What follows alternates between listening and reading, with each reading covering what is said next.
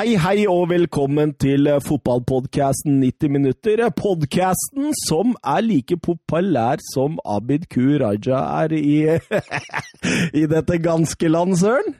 Ja, jeg håper jo at vi er litt mer populære, i hvert fall blant uh, fotballsupporterne akkurat nå, da. du er ikke så fornøyd med han? Jeg er, generelt, jeg er ikke fornøyd med situasjonen nå. Uh, jeg syns det er helt hårreisende at breddefotballen ikke settes i gang. Og... Er breddefotballen i gang i Tyskland?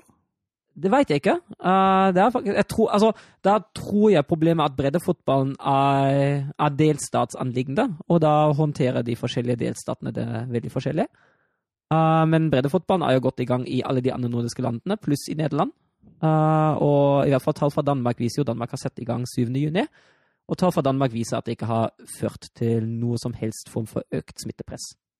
Ja, men jeg syns du snakka om at du hadde vært på Røa og sett fotballkamp, Søren. Ja, det er jo toppserien. Det er jo toppfotball. Er ikke det breddefotball? Nei. Det er toppserien av toppfotball. ja, nei, nei, jeg bare tuller som vanlig. Jeg er tilbake, tilbake fra ferie. Sist gang så hadde dere podkasten alene. Det var ekstremt moro å ligge på sånn ja, 1300 meter over havet og sitte og høre på Mats og Søren eh, kose seg gjennom eh, Ja, dere var godt under to timer òg. Ja, en, ja, vi fant ut at det er du som er tidstyven i denne podkasten her. Så... ja, nå hadde dere ikke mye Premier League, da. Nei, det var uh, egentlig ingenting. Det var kun uh, litt Liverpool. litt Liverpool-hyll? Mm. Ja. Det Jeg, jeg kosa meg. Jeg syns dere var flinke. Uten en takk, takk. Uh, programleder. Jeg hørte det, dere, dere, delte litt på ansvar og sånn, merka jeg. Det var en snedig kombinasjon. Mm. Men åssen har vi det? Jeg har litt vondt i hodet. Ja. Eh, så da regner jeg med at jeg er storfavoritt i quizen etterpå. Eh, det, det, blir, det, blir, kanskje litt likere, da. Ja. Vi stiller kanskje likt nå. Mm. Men bortsett fra det, så er det fint. Og du Søren, åssen har du det? Nei, Jeg hadde gjerne spilt litt fotball, men ellers er det fint. Ja, du har spilt fotball? Nei, jeg hadde gjerne spilt litt fotball. Ja, det er et stikk til Anaraku Raja igjen. det kommer, det kommer noen stikk hele veien. Han hater han like mye som Haaland. Jeg, jeg hater ingen. jeg er veldig kritisk, men jeg hater ingen. Abid Haaland. det er Sørens verste kombinasjon ever. Nei, vet du hva? Jeg kom hjem fra en liten eh, ferietur i går kveld. Eh, dermed så er jeg litt eh, uforberedt i, i, dag.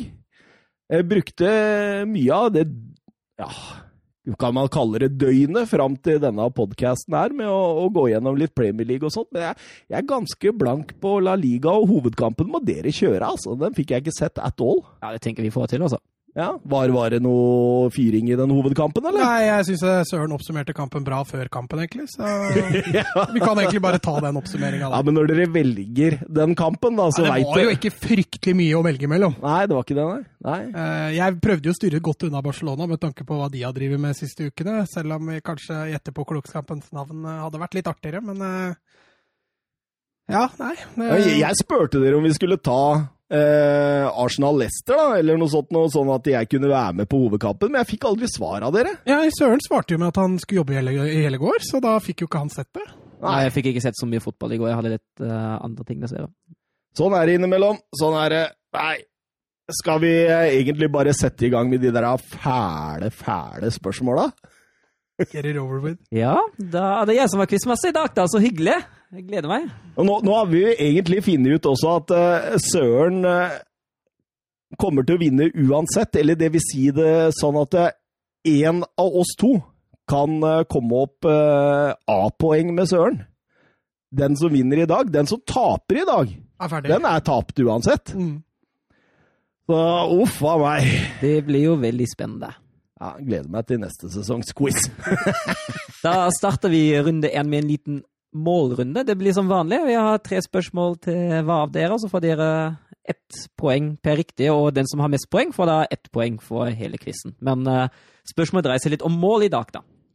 Starter jeg med deg, eh, Thomas. Er du klar? Ja. Yeah. Hvem har skåret flest seriemål for Tottenham av Dimitar Berbatov og Jørgen Klinsmann? Ah, Berbatov var jo der lenger. Klinsmann var jo ikke der mer enn ja. Jeg gambler på Berbatov, jeg. Det er riktig. 29 mot 27 for Berbatov. Storskårere begge to, i hvert fall.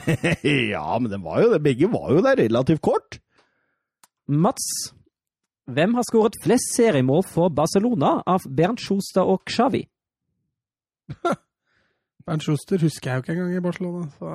Nei, da heia du på Blackburn. Da var jeg, ja, da var jeg Blackburn-fan, faktisk. Xavi skåra jo ikke mye mål. Jeg går for Schuster, jeg, da. Det stemmer. Det er 63 mot 59. Men det er ikke langt. Det var close. Det var close. Ja. Da er det 1-1 i oppvarmingsrunden. Thomas, når vi ser på kun denne sesongen her, hvem har skåret flest mål i Premier League av Roberto Femino og William? Oi, oi, oi, oi, oi, oi, oi. William har jo mye assist. Firmino er jo mye Nei, det er, det er Müller, det. Firmino er mye sånn tredje sist, da. Mye hockeyassist. Eh, men mål William tar straffespark. Jeg, jeg, satser på William. Det er riktig. William har ni, Firmino har åtte. Ja. Mats, hvis vi ser på kun denne sesongen, hvem har skåret flest mål i La Liga av Alexander Isak og Sergio Ramos? Ja, Ramos. Det er helt riktig. Det er ti mot ni. Den var enkel. Den var enkel. Ja. Thomas, hvem har flest landslagsmål for Norge av Jon Arne Riise og Gøran Sørloth? Jon Arne Riise. Det er riktig. Det er 16 mot 14. Og Mats, hvem har flest landslagsmål for Norge av Øyvind Leonardsen og Kjetil Rekdal? Rekdal starta jo landslagskarrieren litt sånn off midt. Han. Mm. Det var først på slutten han ble defensiv. Og så var han jo en straffetaker, vet du. Straffer, vet du. Leo var jo best uten ball. Det er ikke så lett han å score. Han kom jo inn i mellomrommet der. Jo, men da må du jo røre ballen, da. Ja. Nei, jeg går for Leonardsen. Det er helt riktig. 19 mot 17, og da er dere sterke begge to. Ender 3-3 og ett poeng til hver. Oi, oi, oi. Da går vi videre til spørsmål to, og der vil jeg fram til en kamp. Og Da er det som vanlig hinta og hinta og hinta, og den som veit, må rope ut. Og jeg vil ha lagene og turnering. Kampen ble spilt en fin kveld i 2019. Det sto 1-1 etter 90 minutter. Det ble ekstraomganger og straffekonk. Og det ene laget skåret en tidligere Lillestrøm-spiller. Det andre laget avsluttet kampen med ti spillere etter en utvisning i ekstraomgangene. Laget som den tidligere Lillestrøm-spilleren skåret for, vant til slutt 4-1 etter straffekonk. Det siste straffesparket ble konvertert av en nåværende Wolfsburg-spiller. Ble kommentert? Konvertert. det er snakk om landslag. Lagene spiller til vanlig i henholdsvis røde og gule drakter. Det seirende laget røk ut av turneringen i runden etter. Det seirende laget kommer fra Europa, det tapende laget kommer fra Oceania, men har sluttet seg til den asiatiske konføderasjonen. Mens Ante Milicic trente det tapende laget, var Martin Sjøgren trener for laget som vant. Det er damefotball, dette her. Ja, dame, ja. Målskårerne het Isabel Helofsen og Elise Kelland Knight. Ja, Nei, Mats! Mats! Mats! Ja. Norge-Australia. Ja, og turnering? Eh, VM for kvinner. Det er helt riktig, Mats. Da tar du ledelsen 2-1 på det siste hintet. Oh, vi, måtte, vi måtte ut i siste hint! Jo, det, jeg begynte å tenke damefotball ganske tidlig, men ja, så turte jeg ikke å Det gjorde ikke jeg, altså. Spørsmål tre. Gianluigi Buffon spilte sin 640. Serie A-kamp mot Torino, og er nå rekordspiller i Serie A, foran Paolo Maldini. Hvilken legende ligger på tredjeplassen? Ja. Må, nå må du jo Del, svare. Del Piero. Det er feil. Oh. Mats, vil du svare? Jeg fullfører spørsmålet. Ja. Hvilken legende ligger på tredjeplassen i denne statistikken? Fikk du mye ut av det? ja, faen, det stemmer det. Eh, du skal ha tredjeplassen på den som har spilt flest Serie A-kamper. Det er helt riktig, bak Buffon og Maldini. Og en, du sa en legende? Det er en legende. Oi, oi, oi. Uh... Del Piero på fjerde, han da, eller? Det sjekker jeg ikke. Ja, for Han er ganske høyt oppe, fordi han har flere Juve-kamper enn Buffon. Mm, ja, han må være høyt oppe, men uh... Er han aktiv i dag, eller? Det, nå må det du svare! Si Nei, du tok først! Jeg ja, får litt må, bedre tid. Du kan ikke sitte og bruke 20 sektere ja, jeg, får litt, jeg får litt bedre tid enn han, for han sa jo navnet sitt først. Ja, men Mats, nå trenger jeg et svar snart. Veldig snart. Uh, Roberto Baggio. Det er feil. Det er Francesco Totti. jeg var glad for at du ikke tok den. Det var, det var den eller Del Piero jeg hadde. Spørsmål fire her må dere følge litt med, for det kan være litt vanskelig stilt. Sander Berge fikk sin måldebut i Premier League forrige helg. Sist en nordmann fikk skåringsdebut, var i 2016-17-sesongen. Hvem var det? Da vil jeg ha skåringsdebut ved hans første mål i Premier League også, ikke en som pleier å skåre og skåret sitt første for sesongen. Han skårte sitt første Premier League-mål i 16-17. Ja, og det var en forrige nordmann som fikk måldebuten i Premier League. Okay, så kan jeg hinte. Han skåret da det aller første målet i den Premier League-sesongen. Thomas. Det, ja. Joshua King. Det er feil. Nei. Er det det, altså? Og jeg kan fullføre hintet også. Eh, det var mot Leicester. –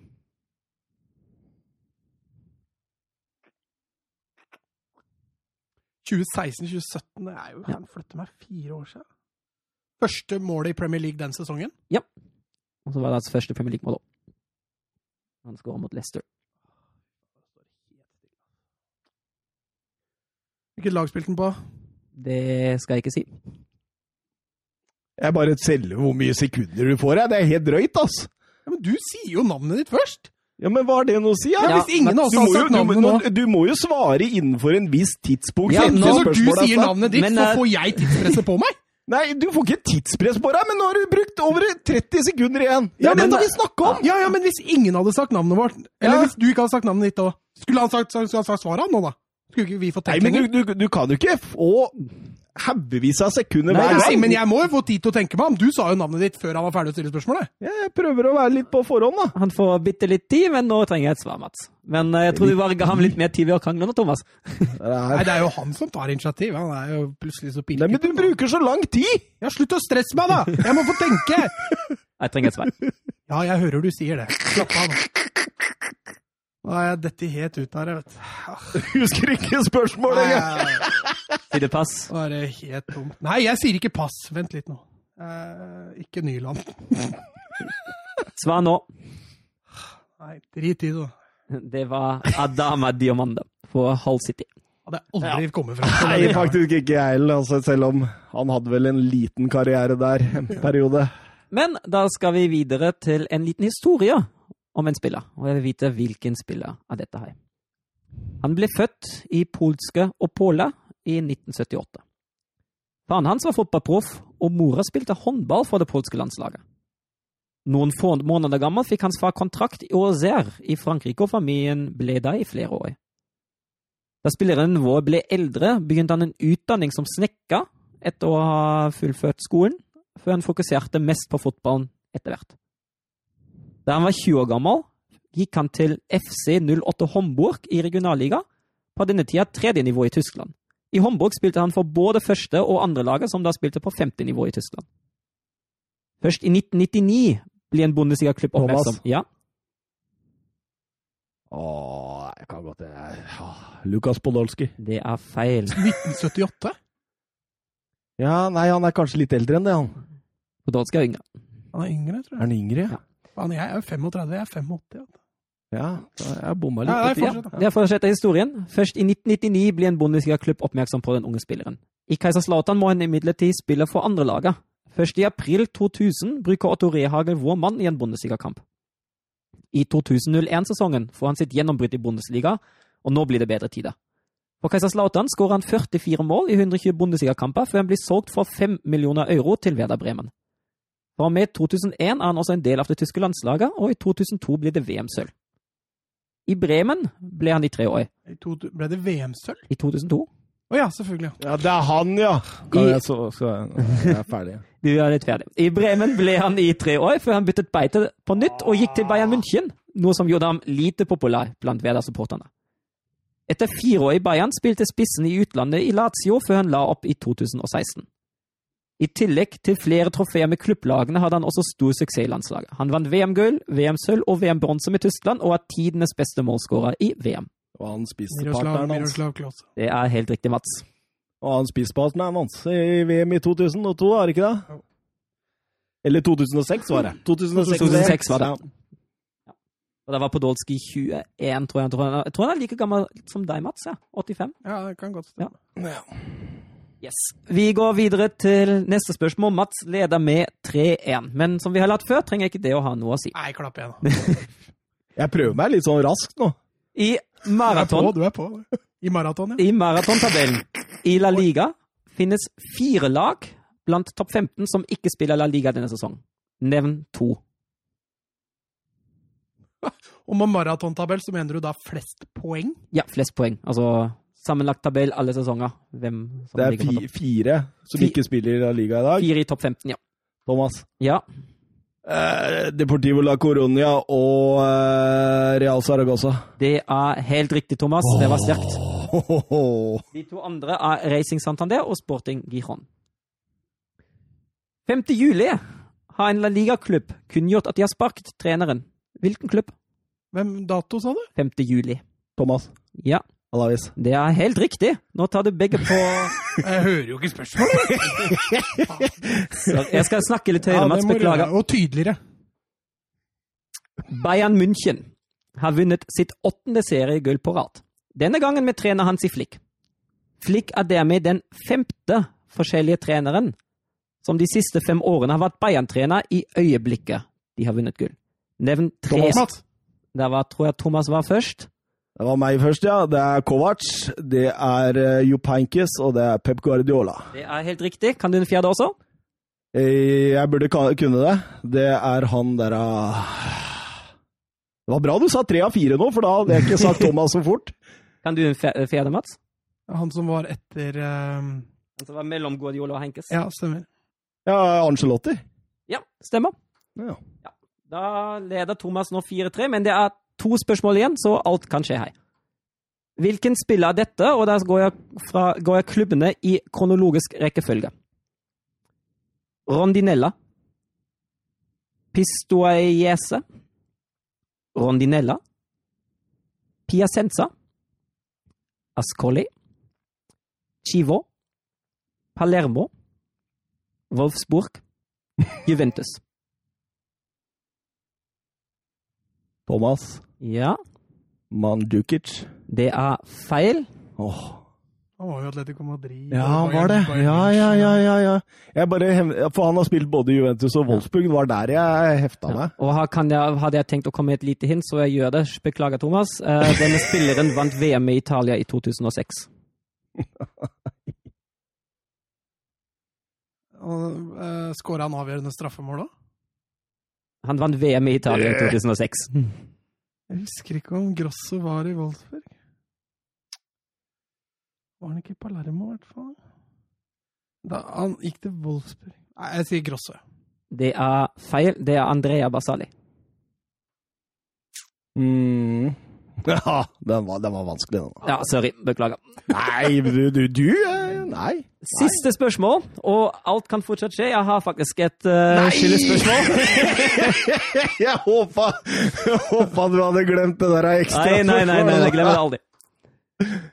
Da går vi til Premier League. Hele ni spillere har så langt klart å skåre hat trick denne sesongen i Premier League. Nevn tre av dem. Oi, oi, oi, oi.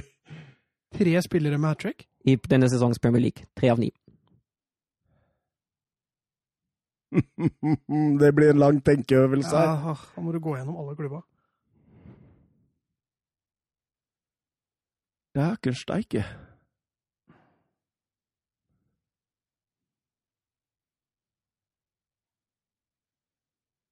Men du, du sier ikke riktig hvis vi tar Nei, nei, nei. Jeg, sier, jeg sier, ikke hvem som er riktig og hvem som er feil. Nei. Det er ni forskjellige spillere? Ni forskjellige spillere, og jeg vil ha tre.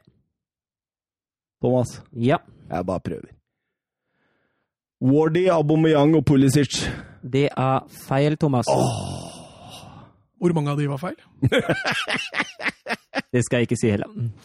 Men du skal få litt tid på deg, Mats, også. Uh, ja, den er, den er tenke, tenke. Den, ja, jeg føler at her trenger man litt mer tid enn vanligvis. Jeg måtte bare gamble. Ja, jeg hadde to av de tre du sa. Og du hadde det, ja? Jeg vurderte dem, så det er derfor jeg tenkte hvis to av de hadde vært riktig.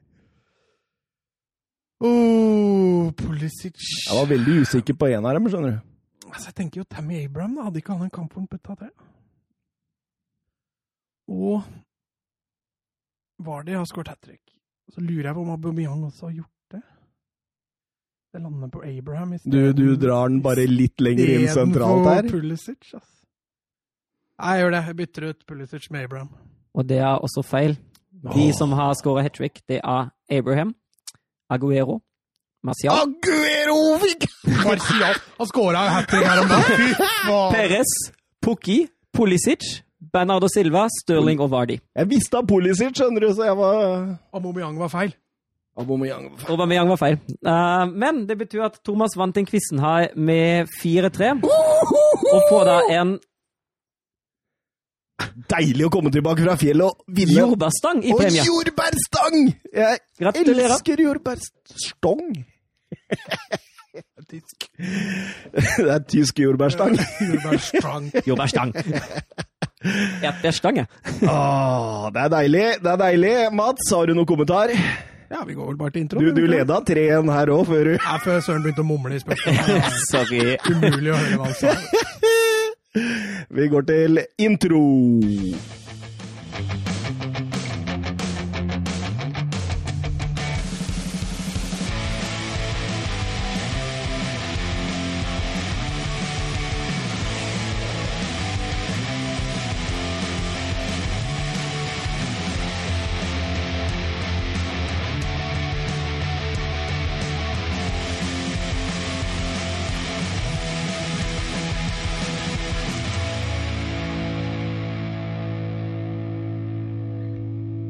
Ja, da var vi tilbake. Mats?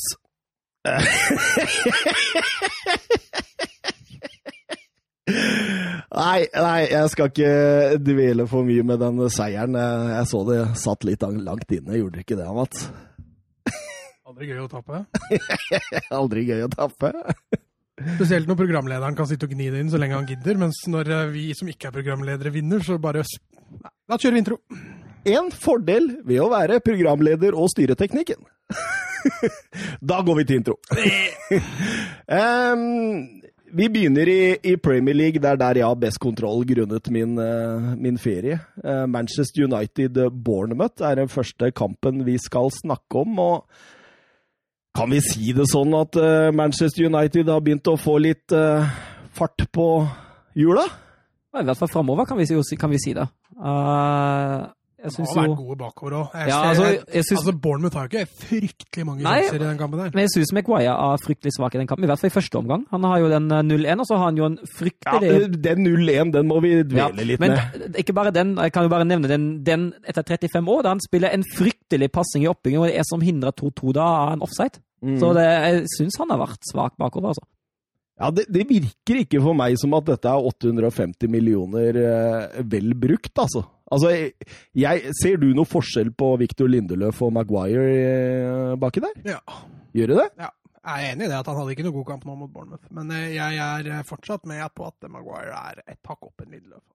Ja, men altså jo, men altså Både med og uten ball. Altså, altså, det som Lindeløf har en liten forskjell på Maguire om, er det å flytte beina fort. Mm. Maguire ser ut som han er 70 år innimellom. Hint den første skåringa, f.eks. Så det er klart, Når Maguire møter riktig spiller, så ser han jo helt fortapt ut. Eh, og der har Lindeløf litt bedre å komme med. Jo, men det jeg skal fram til nå, det er jo prislappen på han. Han er verdens dyreste forsvarsspiller. Ja, og hvis jeg skulle kjøpt en spiller til Lillestrøm da, for de to prisene, så er det klart at eh, da blir det jo Lindeløf. Jeg skjønner jo det, men uh, hvis jeg skulle satt opp altså, hva, hva, er det du spør om, egentlig? det, det, det, jeg skal fram til, da, er at Harry Maguire nå altså, Vi husker jo den Bergwin uh, Ja, den mot Tottenham, ja. ja. Vi, og denne med Stanislas her, den, det, det, er, det, er, det er hoderystende forsvarsspill. Mm. Jeg er enig i at hvis Barcelona da, skulle henta Maguire og måtte betalt 850, så hadde jeg sagt eh, nei takk. Nei. Hvis det er det du skal fram til. Ja. Men hvis de hadde tilbudt Lindeløp, mye hva kjøpte de han for? 250-300 er ikke noe sånt da? Det er, det er mer ja, det, er, det er en litt sånn der, eh, vanskelig, vanskelig dilemma, skal vi kalle det det? Han var veldig dyr, han Lindeløf òg, husker jeg, da han kom fra Benfica. Uh, uten at jeg har den prislappen her og nå, men det, det Eh, Uansett, da, så er det sånn at jeg tenker at hvis Manchester United nå skal ta videre steg Altså, vi snakka jo om det her før sesongen i fjor. Skal de ta videre steg, så må de ha inn på den Bruno Fernandes som de fikk inn på etter hvert. Og, og, og det blei jo mye bedre. Eh, de må også ha en klar spiss. Altså en spiss som scorer 20 pluss. Ikke sant? Det er veldig vanskelig å finne en spiss som scorer 20 pluss i Premier League. Eh, men eh, han fins der. Og de må få på plass han. Og så må du få på plass en stopper. En god, gammeldags hardhaus av en stopper som kan ta de duellene, som kan Er ikke det Maguire? Ja, ja Er ikke han en hardhaus? Jo, man ser så ja, enig at er veik ut iblant, altså. Veik? Ja! Han ser så nonsjalant ut. Han ser ut som han tror han er eh, Mats Hummels når han skal drive og spille opp eh, ballene der. Og så, skal han liksom leve på det at han er så god offensivt, og så gjør han så mange juniorfeil bakover. Ja, men Jeg gjør jo mange juniorfeil i oppbyggingsspillet òg. To mot Burnley til og med. Så, ja. Men uansett, da. Jeg kan godt ta, ta den 1-0-skåringa til Bournemouth, for det er, det er, du sitter og jubler i sofaen før han har skåra. den luka der, det er, det er klasse, altså. Det er deilig. Det er så deilig, og så ydmykende at Maguire burde egentlig bare bedt dem å få bytta ut. Altså. Men dette blei jo Mason Greenwoods kamp. Han var fantastisk. Eh, når det først løsna, det var jo Mason Greenwood som sørga for at det løsna, eh, så er det jo tut og kjør for United, syns jeg, og Bournemouth. Eh, nei, det var ikke imponerende av Bournemouth, men ja, som du sier, Greenwood er mye av skylda for at United er så overlegen offensivt. Den 4-2-skåringen til Greenwood Ja, herregud. Det, det er altså For det utrente fotballøyet så kan det se ut som nok et mål, ikke sant? Men det skal så ekstremt mye til for å gjøre det han gjør der. Ja, det... Både i form av balanse, eh, teknikk, avslutningsferdigheter. Altså, det er Altså, jeg har ikke ord, jeg. Det der, der, er noe av det bedre jeg har sett. Han er 18 år. Det er vel kun Robbie Fowler og Michael Owen, tror jeg, som har, og, og jo, og uh, Ruben Rooney, som har eh, flere mål når han har blitt 18. Men jeg syns dette ser veldig bra ut. Og nå har han jo fått starte de to siste kampene for United, på bekostning av f.eks. James Mata og Pereira. Og det er vel greit, er det ikke det? Jo, altså han ser jo ti ganger hvassere ut enn et par av de jeg nevnte nå. Uh, glemte å nevne Lingard, og da hadde det blitt 20 ganger hvassere. han, uh, jeg syns han absolutt fortjener den plassen han har nå. Uh, det skal bli veldig spennende å se spille United i kveld. Nei. Nei, det er i morgen. Mm. Det blir veldig spennende å se om han kjører nok en gang samme offensiven, for det ser fryktelig vasst ut, altså den femmeren offensivt for, for, United, hvis du tar med Pogba der. For den eh, Bruno Fernandes òg, det er en ja. fantastisk fotballspiller. Ja, herregud, det er jo Det er jo, ja, altså det er, det er jo han som, som, du sier, som du sa, det er jo han som egentlig skifter dette her i riktig retning for United og Solskjær. Og det kan jo virke som at det var det, var det som, som, trengtes, da. En individuell sterk spiller. For når du, har, når du har en manager som sliter litt med med å, med å, coache et lag fram til det offensive. Da hjelper det gjerne med å ha en individuell virkelig god Ja, Men har ikke Solskjær utvikla seg litt? Jo, jeg syns det. Jeg syns det. Men, men, jeg syns også godformen til United begynte før Fernandes kom. For den rekka de er inne i nå, det er 16-17 kamper eller noe, uten tap, den begynte jo i desember. Mm, at det begynte å bli et bedre jeg spiller? Jeg tror United begynte å få et litt bedre grep på det, og så kom Fernandes inn, så blei han en slags katalysator, og så mm. løsna det skikkelig offensivt. Og da er det klart eh, at United nå de har ikke igjen det vanskeligste kampprogrammet. Eh, jeg syns det ser ut som de safer inn en fjerdeplass, for en tredjeplass til og med. og visste dere at uh, Manchester United leder Bruno Fernandes-tabellen? Jeg tror, jeg tror VG, VG, VG har børsta støv av solskjærstabellen, Så du det? Det, det var på tide. Lenge siden den har vært framme. Vi, har, vi, har, faktisk United på fjerde vi, på vår uh, tabelltips. Ja, jeg tror ikke det blir gærent. Uh, Leicester uh, ja, nå skal vi sikkert prate om den kampen nå, de hadde en fryktelig svak førsteomgang mot Arsenal og en OK andreomgang mot Arsenal. Så hvis Leicester ikke forbedrer sitt, uh, så, så, tror jeg fort de havner utafor. Ja. Så blir det jo selvfølgelig spennende å se hva som skjer med City i CAS, selvfølgelig. Manchester United skårte fem mål på Old Trafford for første gang siden desember 2011, da de slo Wiggen 5-0. Så det sier jo litt. Eh, strålende. Eh, Manchester United i kalasform, egentlig.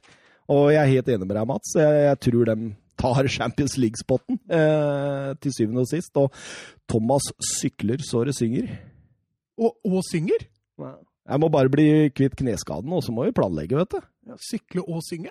Ja, jeg kan godt synge òg. Ja, okay. ja, men jeg kan, jeg, kan godt, jeg kan, godt, synge mens jeg sykler. Ingen problem. Ta den Kaptein Sabeltann-visa nedover mot Liverpool, Aston Villa. Liverpool eh, fortsetter å kjøre så å si toppa mannskap etter at tittelen er sik sikra. Eh, jeg forventa litt sånn mer spilletid for disse store talenta, spesielt Curtis Jones, Harvey Elliot, Neko Williams, for å nevne noen. Er det ikke litt spesielt? Ja, det virker jo nesten som at Klopp syns det er viktigere å ta den rekorden fra City enn å gi gutta spilletid. Og da hadde jeg kanskje prioritert litt annerledes, for å være helt ærlig. Tror du kan tenke rekord, rekord, rekord? Ja, det er en del rekorder som er up for grabs, altså.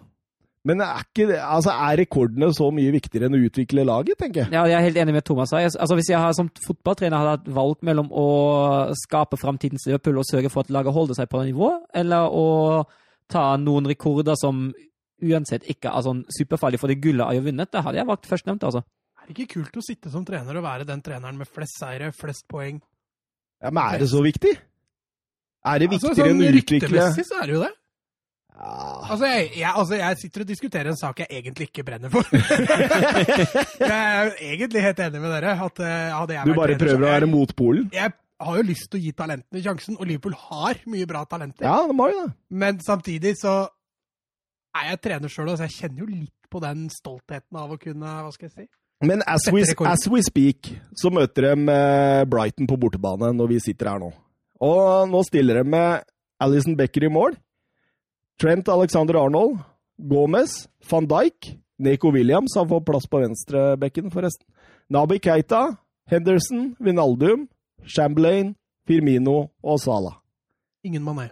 Nei, ingen mané. Ja, da utvikler han jo Chamberlain. ja, men det, det, som er poenget mitt, at jeg, eh, jeg har hørt så mye godt om han Sepp van den Berg, han stopperen de henta der. Og... Nei da, nei da. Han spilte mm. disse kampene mot Colchester og sånt i FA-cupen, han. Ja, men det var... Ok, jeg synes jeg hørte han var leid. Pedro Chirivella der, og som er 23 år nå, bør jo få muligheten til å utvikle seg. Var ikke han på vei til Rosenborg, eller noe? jo, han var jo det. Men han, han spilte også de kampene mot Colchester. Det er ikke et styrketegn da når du er på vei til Rosenborg. Ja, men var han det, eller var han de Nei, jeg vet ikke. Men uansett, da. Eh, Liverpool eh, ser jo litt ferdig ut, og det var egentlig Villa som var best på Anfield i store deler av eh, kampen. Ja, jeg, jeg syns nesten Altså, det var veldig blekt å sitte og se på det Liverpool-laget.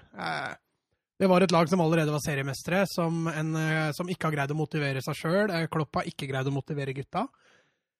Jeg tror, altså når du så, altså Jeg hørte også de kommenterte det i studio på TV 2. Det der blikket til Klopp rett før pause der. Mm. Du, jeg greide ikke helt å bestemme meg for om han var så forbanna at han ikke greide å uttrykke noen minner, eller om han bare var whatever. Ja. whatever. Ja.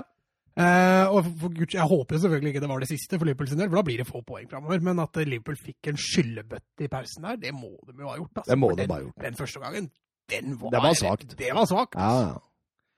Eh, hakket bedre i annen, vil jeg si. Hakket. Det er ikke så mye. Den... Nei, og når de liksom får den golden, så tenker du at ja, da blei det Da går det veien. Mané gjør 1-0 der etter 71 minutter, før Curtis Jones kommer inn og setter eh, 2-0 eh, rett før slutt. Eh, Curtis Jones har eh, vært veldig målfarlig på disse U-laga til Liverpool opp gjennom tida. Eget akademi ser veldig sterk ut, altså. Ja, det er jo flere av unggutta som fikk sjansen. Eh, ikke nå, da. Det var Neko Williams og Curtis Jones var vel de to eneste? var det? Ja, var, var, vel, de kom inn begge to. Ja, Neko Williams hørte jeg Jeg har egentlig, liten, egentlig lite kontroll på han, men jeg hørte Erik Thorstvedt sa at uh, han er så god. Han pusher Trent ja. i ryggen allerede. Mm. Og Trent er jo bare 17, eller? ja, 17, ja. Neko er 16. Ja, det er det. De er i hvert fall unge gutter. det er to vanvittig store ja. høyrebekktalenter Liverpool har der. altså. Men det spørs, da. altså Går, greier, går det an å sitte på to så gode høyrebekker? Han kommer jo ikke til å greie å holde begge fornøyd Nei. noen år fram i tid. Ikke sant? Ikke sant? Akkurat nå så er Neko Williams fornøyd med å sitte på benken fordi han er så ung. Mm. Men når han blir god nok til å kjempe om en plass i et topp seks-lag i Premier League, da. Det er vanskelig for Liverpool å holde på han da, og Trent skal være førstevalg. Kanskje han Dortmund skulle henta, Søren? Ja, det, altså det er iallfall en god, god mulighet å utvikle seg i Dortmund. det har de visst. Altså. Nei, de har jo fått en Babu. Ja, han, er er jo helt strålende for tida. Det... Men det ser stygt ut for Villa. Ja, det gjør det. Du sava jo de sist. Nei, jeg prøvde å, å blidgjøre en av våre lyttere. Du skulle ikke vingle? Var du enig ja. med deg sjøl om? Men det, det ser stygt ut. Altså, på de åtte siste nå er det to overgjort og seks tap. Ja. Det, og Westham har jo begynt å plukke poeng. Ja. Selv om de ikke gjorde det i kveld. Nei, det veit jeg ikke noe om. Jeg har ikke sjekka noen resultater. men uh, med tanke på at Watford vant i går, ja. uh, og hvis Westham har vunnet Du er fire poeng opp der nå. Uh, ja, det stemmer. 31 og 27. Men nå har Villa én kamp mindre spilt, så mm. de er avhengig av en trepoenger rimelig kjapt. altså. Southampton, Manchester City. Eh, City som vaska gulvet med Liverpool, eh, Søren? Ja, uh, og altså, rent spillemessig syns jeg altså, de var det klart beste laget. det går ikke an å si noe imot! Om de ikke vaska gulvet, så feide de gulvet i hvert fall ja. med Southampton. Ja, men jeg syns, jeg syns de to kampene, de som gikk rett etter hverandre, Liverpool mot Eston Villa og City mot Southampton, de viser egentlig perfekt hvorfor det er Liverpool som vinner seriegull, og ikke City i år. Fordi City, som vi har vært inne på før, City sliter med effektiviteten. Uh, City sliter i hvert fall med effektiviteten når Aguero ikke spiller. Fordi Jesus, jeg tror jeg har kalt den for Premier Leagues mest ineffektive spiss før. og jeg kan Du har godt, det flere ganger. Ja, jeg tror jeg kan godt stå for det. Um, ja, stå for det. Og Liverpool uh, klarer å vinne mot, på en dårlig dag. De hadde vel to da, jeg husker ikke helt den første gang mot Villa, men altså, det var en litt dårlig dag for Liverpool. Men de vinner som regel de kampene der, fordi de er effektive. De, tar, de utnytter de sjansene de får uh, når de har en dårlig dag, og det gjør ikke City. Og da blir det til at Liverpool vinner serien foran City. Jeg er helt enig med deg. Den, det er så bra bilde på den. Det er, det er, et veldig godt bilde. Ja, det er det. Det er det. Eh, Alex McCarthy der spiller jo som en levende vegg da i Southampton-målet her. Eh, og målet til Shea Adams, vi kan jo si noe om det òg. Sinchenko, ja. Det... ja, Sinchenko var ikke så heldig der, Nei, men, det, men, men, å se at Ederson uh, står så langt ute, ja, og bare køler den ja. over Ah, er ikke Fede skåra, den der. Nei. Og, God oversikt, i hvert fall. Og det var hans første Premier League-mål. Han kommer jo fra Brighton med ganske store forhåpninger før sesongen. Har ikke slått til i det hele Ikke Brighton, Birmingham. Mm. Jeg så du Jeg så du heva på øyebryn her inne der. Jeg sa ikke noe. um, Hazeluttle og Southampton de har da redda plassen. Ja, og det er jo, det er jo kult. Altså, vi, snak, vi satt jo og snakka vel etter 0-9-tap mot Leicester, at Hasenhyttels team mot Leicester, i Southampton går mot slutten. Og så har de virkelig tatt seg sammen og stått sammen. Har jo fornyet kontrakten til og med, og prestert sterkt siden da, syns jeg. Og han, sier, og han sa det etter kampen, det er utrolig å ta poeng av et slikt lag med en sånn kvalitet. Jeg er stolt av laget mitt, sa han. Eh, virka veldig stolt òg når han sto der eh, etter å ha redda plassen. og Manchester City nå de har ni Premier League-tap denne sesongen. Ja. Det er tredje strake bortetapet til Manchester City nå. Det har Pep Guardiola aldri opplevd i sin uh, trenerkarriere. Men det er jo så verdt å nevne Hadde City hatt en lignende sesong i fjor som de har hatt i år, så hadde Liverpool også allerede vært seriemestere lenge før mm. enn det de har nå. Så det er klart City de har gjort noe annerledes i år som de ikke gjorde i fjor. Ja. Det er ikke bare Liverpool som har vært fantastiske. Men jeg tror jeg nesten allerede nå kan si at City vinner ligagull neste år. Oi! Mm. Den er eh, Ja, du så basert på Aston Villa-kampen, liksom, på Liverpool? Nei, bare på at City kommer til å ta en hevn nå, altså. Rett og slett eh, neste år. At de eh, jeg, jeg tror ikke Liverpool Du vedder en sykkeltur på det, Men jeg, jeg, jeg, tror ikke Liverpool eh, kommer til å ha den flyten de har hatt. Altså fordi, altså, Nå snakker jeg flyt, jeg snakker Liverpool. Liverpool har vært fantastiske. Ikke misforstå i det hele tatt. Men de har jo hatt en del marginer også. Altså, det, det har ikke vært mye stolpe ut. Den har som regel sneket seg stolpe inn. Og Men Liverpool har vel fem ligatap på tre år? Mm, det er noe sånt noe. Det er ja, på to år, unnskyld, på to år. Helt vilt. Hvorfor skal ikke det kunne fortsette et år til? Nei, for jeg tror at det, altså eh, Altså, Jeg er enig med deg at de har hatt flyt og marginer, men gode lag har jo gjerne det mye. Ja, men altså, samtidig så skjer det noe i et lag. altså, Det å gjenskape suksess altså, blir som, mett, ja, ja, som Eggensen ikke snakka om så mye i Rosenborg. Og Hva kalte du Eggen. Eggensnikken? men det Nils Arne Eggen snakka om så mye i Rosenborg, å gjenskape suksessen, gjenskape sulten, det, det er krevende, det òg. Eh, jeg spår en liten sånn der Jeg sier ikke, sier ikke Tottenham-haveri her nå, men jeg, men jeg sier sånn Men hva, hva, tror du City gjør annerledes neste år? Nei, jeg tror Guardiola kommer til å, å trykke på de eksakt riktige knappene nå. Eh, se hvor de mangler, eh, få med seg spillere. og Spesielt hvis de ikke spiller Champions League, så kommer dette til å bli Citys året neste år. Men hvis de ikke spiller Champions League, er det jo en viss fare for at noen av de store stjernene forlater klubben. da. Men tror du det? Hvis de får ett års band? Ett et år tror jeg ikke, men to år? Det blir ja, vanskelig. Men, det, men det, de kommer ikke til å få to år. Nei. Nei. Har du noe inside information? Ja, det, det var jeg har lest, og rapportene som kommer og sånt. Også. det tyder på ingen straff eller ett et år. At det, de to åra som Uefa ga dem, at det blir litt i overkant. Okay. Tottenham, Everton eh, en, kamp jeg, en av få kamper jeg har sett live. Eh, sånn på mobilen på et hotell eh, langt opp i Hafjell. Ja, Koste du deg? Nei, jeg gjorde det Altså, jo. Altså, jeg, jeg, gjør jo alltid det når jeg ser Tottenham, fordi det er jo eh, favorittlaget og sånt, men uh, det var blekt, altså. Eh, både av Everton og av Tottenham. Ja, jeg er helt enig. Jeg syns det var en uh, ganske så kjedelig og skuffende kamp, egentlig. Første avslutning på mål kom uh, godt ut i andre omgang. Det gjorde det. Og, det, og da leda Tottenham. Da Tottenham 1-0, så det er, uh, er sterkt, det. Lo Celso som får vente opp der i første omgang og skutt via Michael Kino i mål. Lo Celso banens beste. Ja, enig. Ja, han redda jo livet til sånn der òg. ja, vi skal snakke Skal vi snakke litt om den? Men Veit du hva som ble sagt, eller? Eller eh, hvorfor? Det, det eller er, er det pga. det returløpet til sånn? Ja. Liksom? Uh, Joris uh, sier til uh, Son at eh, kom deg tilbake i returløp, ikke stå der oppe og Ikke sånn? Og så svarer Son, og da blir han forbanna. Da fyrer han. Og ifølge Mourinho så er jo dette snakka om på forhånd, å stille krav til hverandre. For etter den fadesen mot Sheffield United, så følte han at spillerne var litt sånn Ja, du gjør en feil, ok, det er lov, ikke sant? Sånn litt sånn breddefotball, eh, Abid Kuraja og Søren Dupker. Men så har han tatt opp dette og sagt det at eh, vet du hva, vi må stille krav til hverandre. Vi må si fra til hverandre. Så Mourinho han hylla dette etter kampen, da, Søren. Ja, eh, og altså, som jeg sa til deg før podkast, jeg kan forstå Lori litt. Altså For meg som er, som er keeper sjøl, jeg kan godt tape en kamp fordi de andre er best. Det er helt greit. Det er helt greit å tape fordi eget lag ikke har nok ferdigheter. Men å tape en kamp, potensielt i hvert fall, fordi noen ikke gidder, det er det verste jeg vet. Og der forstår jeg at han klikker litt, også. Det er så bra Dagfinn Lyngbø. Han hadde jo en bra imponent. Hvis han skulle vært fotballspiller, måtte han vært keeper, for da kunne han stått og kjefta på spillere. Og når de andre scora, så kunne han snu seg og si 'Hva var det jeg sa?'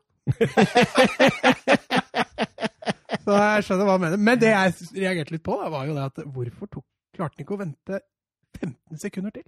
Det, det, det har jeg sett flere har hevda. Men ja, altså i hvert fall sånn som for min del, da, som på fotballbanen var eh, Jo, men Loris er 30 mange år, er?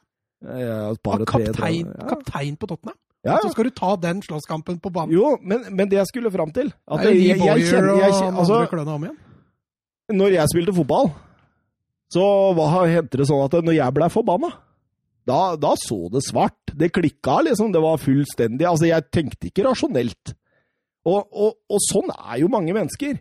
At den bruser opp. ikke sant? Du ser jo når de kommer ut av garderoben eh, til annen omgang der, så holder de jo rundt hverandre, og etter kampen så løfter jo til og med Loris Son opp. Det er mer et sånn bilde på at alt er greit ikke sant, til media, men, men jeg Altså Eh, når du blir lynende forbanna, så er det sånn skal, Klarer man å vente 15 sekunder på å si det man mener?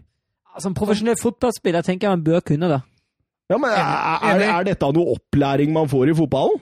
Nei, men som, altså det har litt med, Jeg føler det har litt med ansiennitet og alder å gjøre også, og erfaringer. Altså, dette, dette blei jo et det blei jo, selv om de har sikkert ikke vært voldsomt trykk på Tottenham på akkurat den incidenten etterpå, så blir det jo et litt uromoment, da.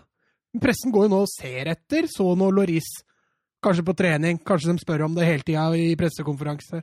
Det blir jo litt sånn uønska press, da. Ja, nei, jeg er ikke helt enig med dere. Altså, jeg, jeg, altså, altså ja, men, Jo, det det er heldig Hva hadde Loris gjort hvis ikke noen hadde gått imellom? Jo, men, men Jeg vil jo regne med at han altså, Ja, Det hadde jo sett enda dummere ut da, hvis han hadde bare ned. løpt forbi den. Ja, men han hadde nok konfrontert den, men det, altså, det hadde jo ikke vært Han hadde jo ikke klinka ned. Ikke sant? Jeg får håpe ikke det. Det hadde du gjort hvis jeg hadde sett svart. Men, men, og, og jeg, jeg, forstår jo hva dere sier. Det heldigste hadde jo vært å vente de 15 sekundene, men jeg sier bare jeg forstår den. Jeg forstår den når det der, der altså, Det er ikke så lett å tenke rasjonelt hvis det fyrer. Nei da, og jeg har sett det flere ganger, og jeg, jeg som trener Hvis to medspillere hadde vært forbanna på hverandre på banen, så er det noe jeg hadde takla helt fint. Men det er liksom litt den der måten han går mot sånn der på. Det ser jo ut som han skal klinke rett ned. og det er den jeg reagerer på, da. Ja. Um, så Nei da, vi må ha takhøyde nok til å tåle det. Men etter hva jeg forstår, da, så er det ingen, eh, ingen sak eh, at all, i, i, hvert fall internt i Tottenham. Uh, alt er uh, bra der. Uh, Mourinhos 200. Premier League-seier. femte manageren som har klart det i Premier League-historien. Får jeg poeng hvis jeg tar det ja, men kun Alex Ferguson som har klart det på færre kamper. Det sier litt om Mourinho også. Ja, det gjør det. Tar du de andre, eller? Ja, Ferguson, da. Ja. Wenger. Helt sikkert. Ja, ja, ja. Ikke Nei, da gidder jeg ikke å tippe mer. eh, og ingen lag i Premier League denne sesongen har sluppet inn flere selvmål enn Everton. Og ingen lag i Premier League denne sesongen har fått flere skåringer på selvmål enn Tottenham. Så det eh, Vi går videre til uh, gårsdagens kamp, Crystal Palace-Chelsea. Et fyrverkeri av en fotballkamp, Mats! Ja, det gikk for seg. Det, det bølga litt fram og tilbake òg. Mye fine skåringer. Ja, og i storform. Og en sjelden åpen fotballkamp til å være Cellus Park og Crystal Palace. Ja, eh, men jeg, litt honnør der til Chelsea også, som faktisk klarer det. Palace var kanskje litt mer offensiv enn vanlig, men eh, gøy. Ja, absolutt. Eh, hva tenker dere om når uh, Cale faller om der og William fortsetter? Jeg syns det er greit. Jeg tror ikke William enser det så mye. Nei. Nei, jeg tror ikke det. Hadde det skjedd foran han med god margin, så hadde det vært noe annet. Sånn Peter Kovac-tipp. Mm. Eh, men så lenge det skjer i en duell rett ved siden av han mm. eller bak han, tenker jeg er helt greit. Jeg, jeg har sett flere sånne skåringer uh, opp gjennom årene da noe lignende har skjedd, og det har aldri vært en sak for de spillerne ser det rett og slett ikke. Som, som Mats er helt enig i. Ja, ja. Jeg kan skrive under. Jeg så bare det ble en diskusjon uh, på det. Mm. Og jeg så også TV 2 satte vel opp en poll der det var omtrent 50-50 på om det var eh, unfair. Uh, det kan jo være masse sånne Tottenham og Arsenal og, og Palace-supportere og sånt, som, og Manchester United, som ikke unner Chelsea nå. Som. Husker du den derre uh, Mjelde? Ja. På Åråsen. På Åråsen, ja. Den også husker jeg var mm. ekstremt diskutert. Og jeg som Lillestrøm-supporter tenkte at jævla kløner, det der, nå håper jeg ikke Brann slipper dere i til, altså. Nei. For det der synes jeg, altså det var fair play av Mjelde. Stefan Logi Magnusson. Logi Magnusson som driter seg ut. Altså var det jo litt sjefsk, Hele brannlaget var jo enige om at nei, da slipper vi inn. Og Mjelde står jo og sa, sa jo unnskyld for at han skåra, nesten. Uh, og så var det jo litt Sjefskij som var fryktelig uenig. Altså, det var laget. fair play av Brann, bortsett fra ja. Lesijevskij. Det er over fair play? Det er faktisk over fair play, ja. Hva er det? over fair play? Ja. Eh, Pulisic setter 0-2 etter at Giro satte 0-1, og så kommer kremmerhuset fra Wilfred Saha. Ja, hvordan han klinker til fra 30 meter da, og ja, det er, det er nydelig. Det er herlig skåring. Det, altså, det var så mange fine skåringer denne helgen at jeg ikke kan si at det var, det var helgens mål, men det var høyt oppe på lista, i hvert fall. Den er høyt. Det burde vi begynne med. Ha en sånn kåring. Rundens ja. mål i alle fire ligaene. Ja, det hadde vært moro, det. Ja, og så eh, tatt rundens mål for hver, og så eh, ja, til slutt mål. Ja, kult, kult.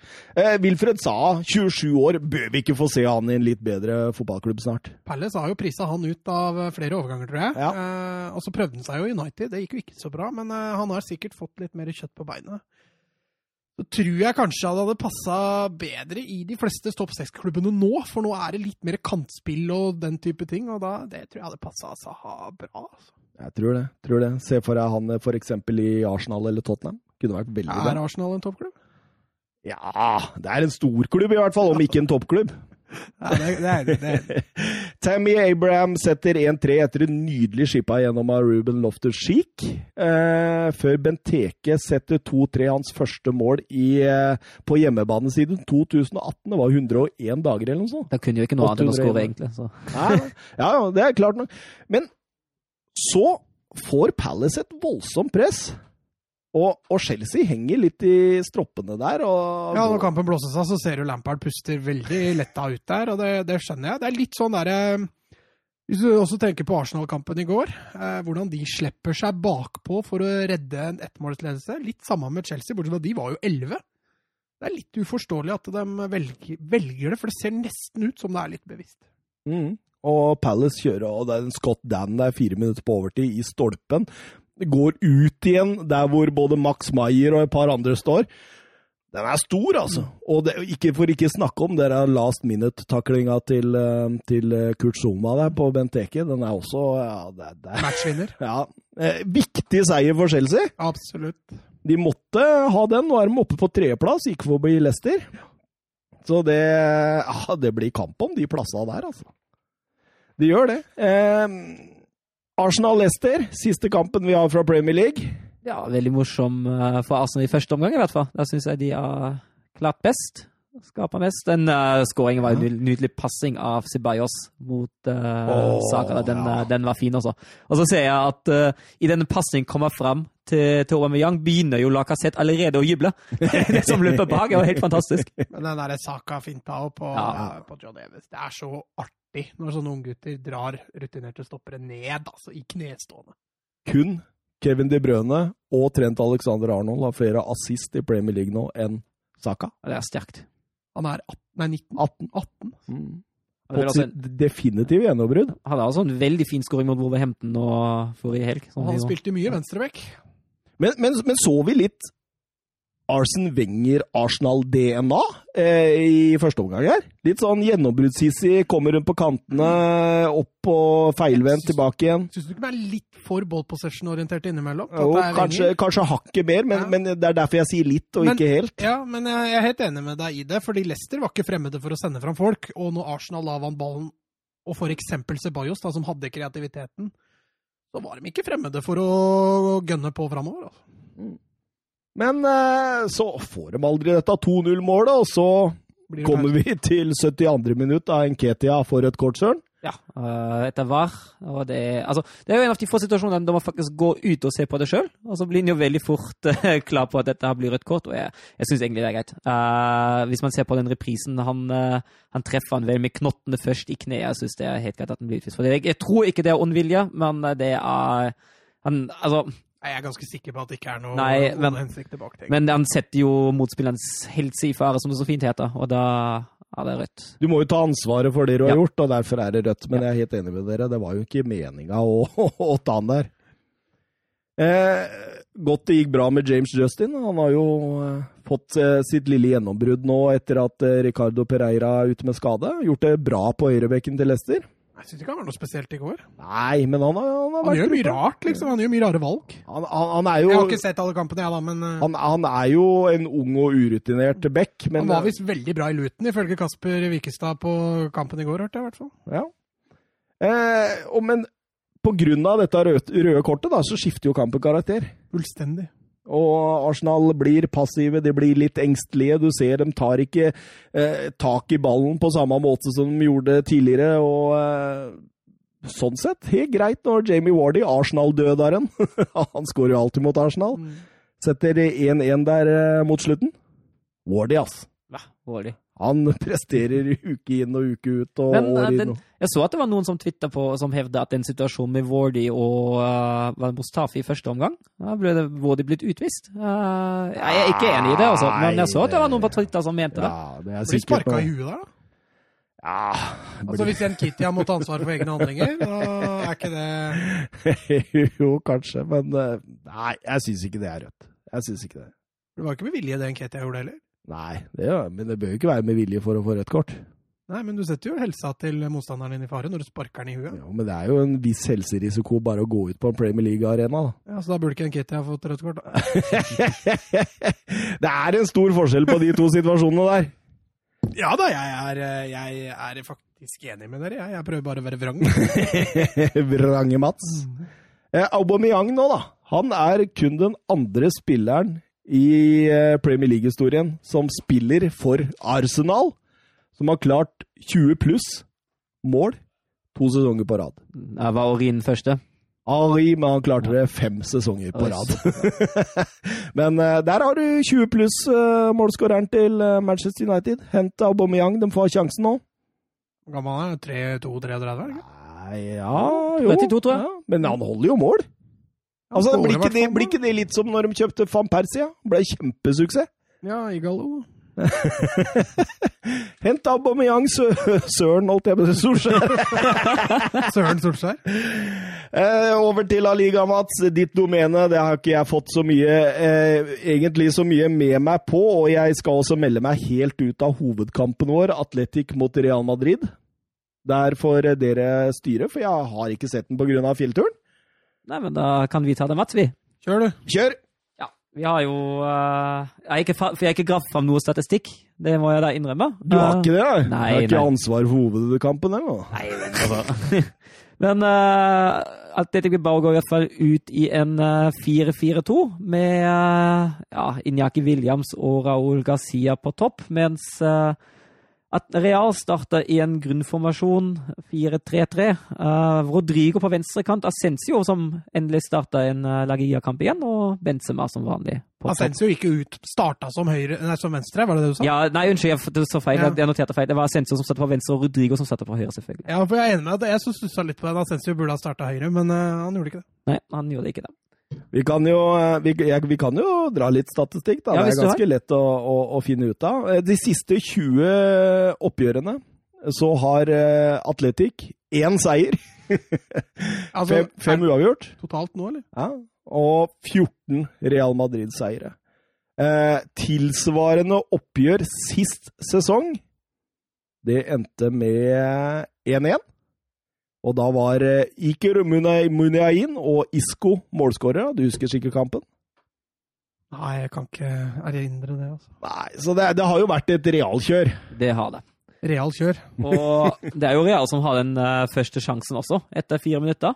Da har det retur etter frispark, og så gjør Cavajal noe rart.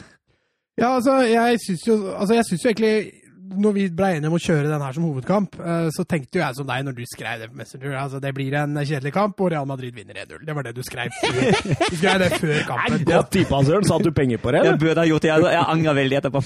Eh, men eh, etter å ha sett de fem første minuttene, så tenkte jeg oi, kanskje, kanskje det blir noe annet. For mm. begge laga gikk litt i strupen ja. på hverandre. Det er helt enig. Og jeg tror litt av, av, bra det som Zidane gjorde bra i den matchen der, det var at han ikke kjørte Valverde over venstre, fordi han har nesten rullert Valverde og Modric litt. Og når Modric har starta, så har han starta høyre indreløper. Og når Valverde har starta, så har han starta høyre indreløper. Men her valgte han å kjøre Modric venstre. Kroos var jo ikke med. Og det tror jeg var en, en liten genistrek fra, fra Zidane, at Modric fikk de vendingene som han gjorde. Men ja, du kan godt ta sjansen. Ja, da er det jo returen, og så er det Cavajal som får ballen. Og så er det Cavajal og Benzema som plutselig står alene foran Simon, og så får ikke Cavajal pasningen fornuftig over på Benzema. Jeg syns det var svakt av Carvajal. Ja, han er vel ikke helt vant til de situasjonene der uansett, men uh... Tenk at de selger Hakimi nå. De har solgt den, faktisk. Ja, men altså, Hadde han fått spille før Carvajal? Ja. I et 4-3-3? Skal ikke han der bygge opp et nytt, nytt Galacticos? Ja, men Carvajal er, kommer til å være førstevalg i flere år framover. Ja, altså, jeg, jeg, jeg, jeg så... du ikke like Carvajal, men uh selge Hakimi for altså, det, det, Nå skjønner jeg. altså Real Madrid, ikke sant? Det er jo altså De har stadionutbygginga, eh, koronaen De trenger sikkert penger. Eh, se for seg det at en spiller som knapt nok har gjort noe i klubben, eh, får 400 millioner for han. Good deal. Men eh, jeg syns det er rart at de slipper det. Altså. De, har jo, de har jo masse høyrebacker òg, vet du. Adriasola har ikke han vært spesielt god, men uh... Kanskje de vurderer at han er for dårlig defensivt? At han er mer enn Ja, Det er litt det jeg skulle fram til, da, i 4-3-3, liksom. At eh, Hakimi er for dårlig defensivt. Jeg skyter inn med meninger, jeg, Søren. Gjør det. Skyt i vei. ja, og så hadde det jo hadde jo vært offside uansett. En to minutter seinere var det jo første sjansen for Atletic Bilbao. Da var det jo Ramos som glapp, Mats. Ja, han, eh, han ja, Du tenker på den til Williams, eller? Ja, ja. ja. ja. Var jo offside-mannen. Ja, det ble jo til slutt offside der, men eh, Ramos han eh, prøver å ta høyde for at ballen kommer foran seg, og så plutselig kommer ballen bak, og Williams har smettet inn bak der. Vi så vel noe lignende i Premier League, jeg husker ikke hvilken kamp det var. Men, men Williams står på bakerste, han brenner jo den uansett, og så blir det også offside til slutt. Så, så Nei, det ebba jo ut at det ikke ble noe. Um, og så ellers uh, syns jeg egentlig Bilbao er ganske direkte i sitt spill framover. Så satser de veldig altså de, de, I hvert fall i starten syns jeg de satser veldig mye på å spille direkte. Og så flytter de laget opp for å vinne igjen uh, i en andre ballen, eller hvis de mister det oppe. Uh, mens Real uh, de prøver i hvert fall å presse høyt. Ja, men jeg syns de er svake i gjenvinninga. Ja, det er jeg helt enig i. Eh, når Real Madrid har flytta opp laget med ball og mister ball, så syns jeg Real Madrid er fryktelig svake til å presse igjen for å vinne den. De er mer opptatt av da å falle tilbake igjen. Eh, mens eh, som du sier, Atletic, så fort de vinner ball, så ønsker de å gå framover. Det var Real Madrid klar over. Ja, men det er faktisk Atletic som får kampens neste sjanse etter et kvarter. Da er det Onjay Lopez som legger inn i korridoren i boksen, og så er det Carvajal med nok en svak involvering. Han blir jo knust av Raúl Garcia i lufta der. Ja, og litt dårlig av Garcia ikke få den, uh, få den i mål, egentlig. Uh, men strålende innlegg. Bra tima av Raúl Garcia. Og så er det som du sier litt svakt uh, forsvarsspill der, men, men, igjen så er det Bilbao. Det er jo det som egentlig er Bilbaos største styrke, å komme rundt på kantene. og når de har Raúl Garcia på banen, så skal det være no-brainer. Og når Garcia da i tillegg er bevisst på å ikke legge seg på Ramos, så har de en fair sjanse, altså. Ja. Men uh, jeg, jeg syns egentlig de overgangene til, til Atletic er litt sånn småfarlige første. Du har jo også den situasjonen uh, med Williams fem minutter seinere, som går én mot én med Eda Militao. Da syns ja. jeg Militao er sterk. Der er Militao strålende. Ja. Og der ser du Zidane klikke på sidelinja ja. når det ballbruddet skjer, og Ramos er helt ute feilplassert. Uh, og Militao kommer fort til unnsetning der. Litt overraska over Williams, at han ikke satser mer på farta si direkte mot mål der, for å sette Militao skikkelig på prøve. I stedet for så begynner han å føre mot Militao, og så venter han inn stopperen. Så det var litt uh, ja. Det var litt merkelig valg fra Williams. Ja, han kunne sikkert ha lyst Og sikkert en grunn til at han ikke skårer mer mål enn det han gjør. Ja. Um, et minutt seinere er det svekkelse for Atletic. Da er det Jerei Alvarez som har kasta håndkleet. Ja, litt merkelig. Jeg klarer liksom ikke til å se hvor han får skaden. Og i tillegg så ser du det at, de, at, eh, at eh, Garitano, treneren til, eh, til, Bilbao der, han stresser veldig med å få i gang det byttet. Eh, og De prøver jo å få til det byttet så fort som mulig, men de hadde jo ikke noen innbyttere klare, så jeg klarer ikke liksom helt å se hva som gikk gærent der. Men helt klart en svekkelse når Rai må ut. altså. Um, ja, så syns jeg Atletic er, de er flinke til å stenge sentrum. Mm. Uh, syns de delvis også faller, faller igjen i en 4-3-3 mot ballen. Det varierer veldig mellom 4-4-2 og 4-3-3. Ja, for du ser Al Garcia har litt fri rolle defensivt. Ja. Han kan fint trekke ned. Men uh, de, på kantene er de ikke like flinke til å stenge. Nei, men, uh, men, jeg tenker også det at hvis jeg skal forsvare meg mot Real Madrid, så hadde jeg også tvunget Real Madrid ut mot kanten, ja, tror jeg. Og det er jeg helt enig i. Spesielt uh, med tanke på altså, Så lenge du greier å stenge av Benzema i midten for innlegga, så, så, er det, så, er det mulig for dem å spille rundt på kanten, altså, uten at det nødvendigvis blir så farlig. Og det så du i første gang. Det var ikke mye Real Madrid fikk til rundt på kanta. Nei, det var jo egentlig ikke noe, ikke noe Jeg syns Ascencio har noen uh, gode involveringer, men uh, Ja, altså, der, du ser Det var ett innlegg han hadde der ja. fra venstre, hvor du ser liksom at grunnen til at han spiller på venstre, da, det er å få de innoverskrudde innleggene. Eh, når man får dem da mellom keeper og stoppere, så blir det jo farlig. Ja, og så er det vel Rodrigo som uh, ikke, ja, helt, ikke treffer på Nei, ikke i det hele tatt. Men uh, jeg syns uh, ja, altså, Vi snakka jo litt om Williams. Jeg syns han, han, brenner jo litt til. Ja, da, men, ja. men jeg, jeg syns han er veldig god i bevegelsene sine uten ball. Men så snart han får ballen, tar han rare valg. Ja, så er det litt greia da. Jeg tror Williams hadde vært best som kant, men så ser jeg likevel hvorfor de bruker han som spiss, for han er jo et konstant uromoment for stoppera.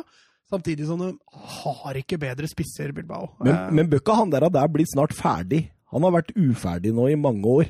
Jo, men jeg tror han er ganske ferdig nå, jeg. Ja, du tror det er ja. der det ligger? Jeg det tror det er der det ligger, men, men fortsatt altså, er han jo en veldig god spiller. For han ja. er, med den farta og den si, uforutsigbarheten han kommer med, da, mm. så er han hele tida et uromoment for Forsvaret. Men så er det litt sånn Venitius over han, da. Det er ikke noe sluttprodukt. Nei, ikke sant. Og den, den sesongen hvor han knekker koden og scorer 20 pluss, da går han til en større klubb for sju Til Manchester United? Ja, for 100 millioner, 100 millioner holdt jeg på å si. For 1 milliard. Han har, det, han har det jo i seg, men, men, han må få orden på bevegelsene sine og valga han tar, altså. Spesielt med ball. Men det blir i hvert fall veldig få sjanser utover i første omgang. Jeg synes sånn, etter, etter, en halvtime av det kaster Real Madrid litt bort kontrollen. Jeg syns uh, eh, Atletic kommer seg litt bedre inn i, uh, inn i ballspillet. Uh, men fortsatt men, blir liksom kampen så kjedelig, ja, syns jeg. Det... Altså, du sitter og prøver å analysere litt grann. Hva er det som skjer? Og så er det bare døll. Ja, enig. Du sitter og kjeder deg når du ser kampen, og da er det ikke noe gøy å analysere det heller. Nei. Jeg har ikke gått glipp av noe, mener du? Nei, du har jo ikke det. Nei. Så går vi ja. ja.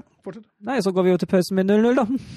Ja, her tror jeg nok uh, Garitano var klart mest fornøyd. og Jeg tror nok han har fått match-gameplanen sin akkurat dit han vil. Kanskje han hadde håpa på litt mer kontringsrom, men uh, som du sier, mot slutten så gir Real Madrid fra seg litt initiativ. Mulig for å stenge av sitt eget mellomrom og bakrom, men jeg føler vel egentlig også at Real Madrid har OK kontroll, selv om de gir fra seg initiativet. Ja, og det er jeg helt enig i. Um, jeg syns også de kommer ut av pausen som det klartførende laget. Jeg syns de klarer å altså, Jeg syns de tar en del rare valg rundt 16-meteren til Atletic Bilbao med ball, uh, men jeg syns de klarer igjen å spille Bilbao bitte litt lavere. Og jeg syns også Bilbao blir svakere i å komme seg opp, som vi snakket om i første omgang. At de klarer å komme seg opp uh, direkte og sette press uh, etter, de, etter de direkte spillet. Jeg syns de blir litt svakere på det i andre omgang. Ja. Men jeg syns også Real Madrid løfter seg possession-messig. Ja. Uh, det er bedre bevegelser foran ballfører, samtidig som Real Madrid er mer bevisste på å flytte uh, ballen opp på motstanders banehalvdel og holde den der. da, Og bruke det som et slags angrepsvåpen. Mm. Det skjer likevel ganske lite. Jeg kan jo, kan jo nevne at uh, Unai Lopez og uh, Cordoba blir bytta ut til fordel for Vesca og De Marcos. Det var vel det som skjedde før det kom Det var et nytt høydepunkt der, altså! Høydepunkt, altså. Jeg syns jeg er, jeg er strålende fornøyd med ikke å ha sett den kampen. Og så har vi en uh, var-situasjon etter 70 minutter. Da er det en duell mellom Dani Garcia og Marcelo. Og da man går ut etter å ha fått signal på øret, så bestemmer han seg for å peke på straffemerket. Ja, den er jo questionable, kan vi si det sånn. Eh, det jo, går jo an å forsvare det, selvfølgelig, men, eh, men, han er jo også på ballen der, Garcia, så Den situasjonen har jeg sett nå. Mm. Den eh, Du hadde ikke fått den om det var motsatt, tror jeg.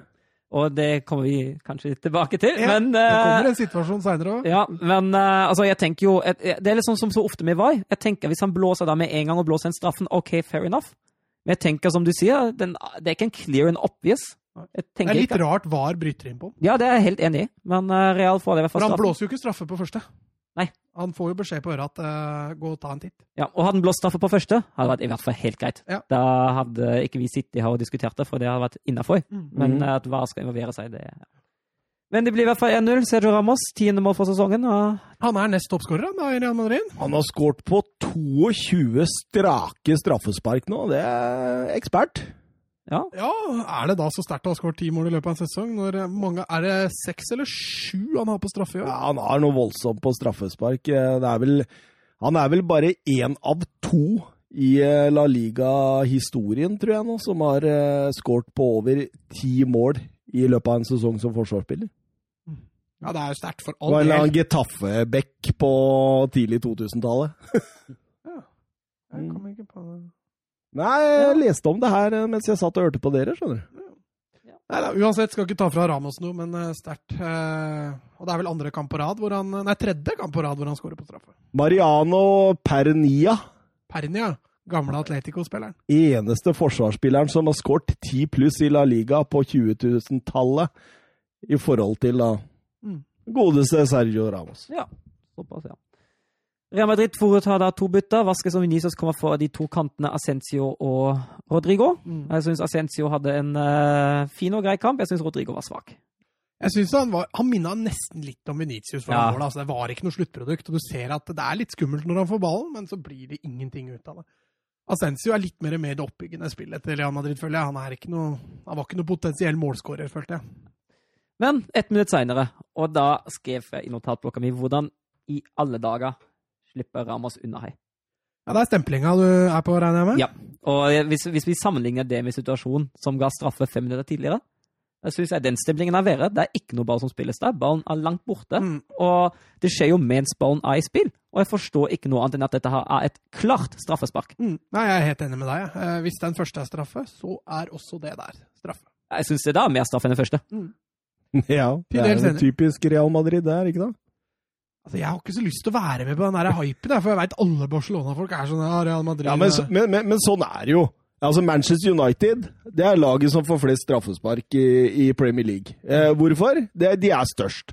I, I, Norge Det har vært sånn med Rosenborg i store, store deler av 90-tallet og 2000-tallet. De har fått masse straffespark, mye mer enn andre. Eh, Juventus Det er jo samme, pågår jo samme diskusjon der i Serie A. Eh, hvorfor Juventus alltid får så mye straffespark og mange sånne tvilsomme nå, nå, har jo dem fått mye mot seg og på hens, da. Særlig denne sesongen. Men, men, men, sånn er det i alle ligaer. Eh, og, og, ja, og, det kan jo ha en sammenheng med at det er jo, de laga her er jo mest innafor 16-meteren også. Men ja, det er mye det, tvilsomt, altså. Vi snakket vel om det for to uker siden, om uh, Luis Gustavo som fikk drøssevis av røde kort i Hoffenheim og Wolfsburg, men ingen i Bayern. Ja. Så ja. Det er, så det er en sånn sammensatt greie, dette mellom uh, gode ja, men jeg lag. Sa jo at jeg ikke skulle være med på den hypen, fordi Nei, Altså, jeg syns litt blir flåsete. Altså, Real Madrid-straffa kan jo forsvares. Det er bare litt rart at det var bryter inn på den. Og så er de jo selvfølgelig fryktelig heldige at de ikke gjør det på Williams. Ja. Og det er det du, folk reagerer på. Jeg ser jo i Barcelona-leiren er det jo altså, De er så usaklige og Harnisk. Altså, det er jo så usaklig og mye av det. Mm. det men, men, men jeg, jeg flira litt. Det var jo han eh, Bartomeu. Han uh, han var jo ute og hylla VAR tidligere i sesongen, mm. mens nå er han jo ikke like sikker. Ja, for nå fikk jo Messi den avblåst på to ja. centimeter offside, også i tillegg får Real Madrid den fordelen. Så det er litt der hvor vinden uh, peker, det meningene er. Det var også Sergio Ramos sa vel også uh, at han ikke forsto noen ting av VAR tidligere i sesongen, uh, hvor han nå sa at jeg tenker ikke så mye på det. VAR gjør bare jobben sin, så det er Nei da, men var, det blei til slutt veldig tvilsomme, de to situasjonene. Ja, jeg er helt enig. Uh, ja. uh, at Eddie Bilbao fiksa to nye spisser via Libro og Sunset for Williams og Garcia. Uh, men altså, jeg synes egentlig den eneste sånn ekte sjansen de får, det får de da den ellers sterke Militao sklir. Mm. Og så setter de Marcos-ballen over. Men det, det er veldig harmløst, de andre også. Ja, er, og spesielt etter at Real Madrid får straffe, så syns jeg Atletico er, er Atletic er, er litt, det er litt tamt. Ja. Det virker som de får lufta helt slått ut. Altså. Ja. Kunne Benzema kunne ha doblet to minutter før slutt, bli spilt gjennom, men mm. Eh, Simon redda der. Bra Nunar Simon. Altså. Ja. Han er et kjempetalent, tror jeg. Uh, utrolig hva de får til av keepere nedi der, altså, med tanke på begrensa utvalget de har. Mm. Uh, Gorka Iraisås, de hadde ti år på rad her, vel. Uh, bunnsolid. Og Kepa etter det, og nå da Unai Simon. Så, gode gener der nede, tydeligvis. Ja. Kan vi jo nevne at eh, Kroos og Jovic får noen minutter. Uh, Ramos får sitt gule kort, som betyr at han må stå over neste kamp. Uh, og det er litt tumult mot slutten, da Monoin får seg et gult kort. Uh, er hissig type han, Monoin? Ja, jeg tror det er litt dårlig tapper. Ja. Men utenom det, det skjer egentlig ikke sånn supermye mer. Real Madrid rode i land 1-0 i en kjedelig fotballkamp. Tredje strake 1-0-seieren til Real Madrid. Grinder ut resultater for å vinne La Liga nå? Ja, det var litt det jeg var inne på også. Altså, jeg tror Atletic Nei, Real Madrid tar dette i land. Jeg tror de tar et par av de resultatene der til, og så er det safe. Det tror jeg òg. Alaves hjemme, Granada borte, Villarreal hjemme og Leganes borte. De fire neste til eh, Real Madrid. Jeg ser ikke poengtap der. Nei, det må i så fall være sånn håpløst uavgjort hjemme mot Leganes, eller sånn, sånn som jeg ja. sa sist, at det, det, kan skje. Men jeg tror også det Det er klart, Jovic har jo surra rett i nå, da. Han hadde fått besøk av en kompis som hadde påvist covid-19. Ja. Så han er isolert fra Real Madrid-troppen i påvente av svar. Og stoppa jeg å lese, men jeg så også at folk diskuterte hva skjer med resten av stallen til Real Madrid hvis Jovic nå tester positiv. Mm. Hva gjør de da i Real Madrid? Ja, det blir spennende å se. Det hadde vært eh, spennende å se hva som skjer. Altså Ikke at jeg håper at han har covid. Det, det... Får håpe for Real Madrid at det ikke ja, ja. blir covid, og i hvert fall for Jovic Det, for det var fryktelig kanskje. og dermed sta, steg Luka Jovic sin status i Real Madrid? Ja, og ja, han er snart på høyde med Bale. Men barns beste, Mats, dine tre? Ja, sorry. Skal vi se. Da må jeg bare ta fram riktig ark. Hvis dere sier noen, off noen offens offens offensive nå, så blir jeg litt overraska, faktisk. Altså, jeg, jeg, må jo si jeg har slitt lite grann. Eh, det har vært fryktelig vanskelig, og det var gode kandidater på begge sider. Om når jeg mener, sier gode, så er det Brukbare. Ja. Eh, litt bedre enn de andre kan det jo. Det minner veldig om Everton mot Liverpool. Ja. Altså, jeg tror du kan ta Det kan godt hende vi har tre vidt forskjellige Det kan veldig få tenkes også. Men eh, jeg også stopper jo litt med det defensive. da. Jeg trekker fram Eder Militao eh, på tre stjerner. Han, eh, han har full kontroll defensivt, syns jeg, og rydder opp de gangene Ramos er feilplassert og surrer. Uh, og så to stjerner gir jeg til Casemiro. Han har full kontroll på sentrale midtbanen til, til, Real Madrid. Han gjør ikke noe voldsomt ut av seg offensivt, men har stålkontroll defensivt. Det er en god sesong. Ja, Casemiro har vært, har vært bra, altså. Og så hadde jeg lyst til å dra inn offensivt, altså, men, jeg, men jeg sleit, og endte da opp med stopper nummer to på Atletic Bilbao i Martinez. Mm. Mm. Ja, jeg er helt enig med Eda Militar. Jeg syns han spiller en strålende kamp. Det er lille feilen gjør en skli etter 84, men eh, ja, Det er han, litt et uhell òg, da. Ja, eh, så lenge du gjør det én gang og har spilt strålende, så er det vanskelig å holde det mot deg. det er akkurat det. Jeg syns han, han, var strålende. Uh, jeg vurderte faktisk Inigo Martinez òg. Uh, jeg vurderte så vidt Casemiro, men endte opp med Modric på to. Jeg uh, syns han, uh, han, fungerer fint som uh, lenke mellom forsvar og angrep. spiller en formidabel fotballkamp. Og... Jeg syns han gjorde det bra som venstre indreløper. Han har ja. ikke spilt der mye i Real Madrid. altså. Ja. Han holder koken, han der lille kroaten. Ja, han har ikke spilt så mye i år heller. Det er Valverde og Cross som er førstevalget. Så... Også når han da vraka en av dem, så har det vært Valverde som regel, og da har Modric gått inn på høyre ja. indreløper. Ja. Og en gier til Unai Lopez, som jeg syns er sterk i begge retninger før han blir byttet. Han har noen små feil og pasningsfeil her og der, men han slår også noen farlige pasninger i riktig retning og spiller en solid fotballkamp. Good. Deilig, deilig Via Real Barcelona, Mats. Den morgenen gleder deg til en ellers så tung og dyster Barcelona-periode, eller? Jeg gleda meg ikke noe voldsomt på den kampen. Litt fordi, som du sier, det var en tung og dyster Barcelona-periode med fryktelig mye negativ omtale rundt. Og... Til og med draktsettet, det nye draktsettet her nå, som man måtte levere tilbake. Alt som var ja, ute nå. Ja, men Selve draktsettet var en fornøyd med, men ja. det var bare det, altså kvaliteten, fikk... ja, altså. Det, fargene feida hvis du svetta, søren!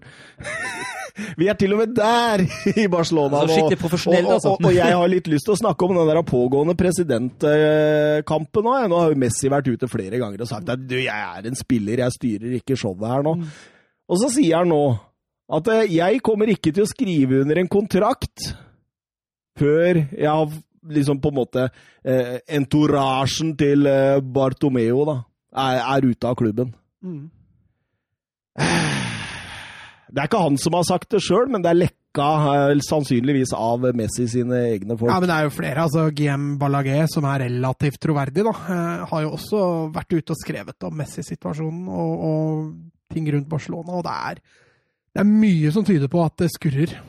Ja, men, men samtidig, ja. Så det, det, høres jo ut som at, eh, at det, dette er en plan fra Messi for å få det som han vil i Barcelona, ikke sant? Altså, når kontrakten hans går ut til neste år, så er han vel 34 år gammel, tror jeg. Mm. Eh, helt på slutten av sin eh, karriere. Eh, vil vi sikkert ha et par år til. Vil ha Savi inn som manager. Eh, han skrev kun under Jo, men der leste jeg også at det var en klausul på at han kan gå til Barcelona.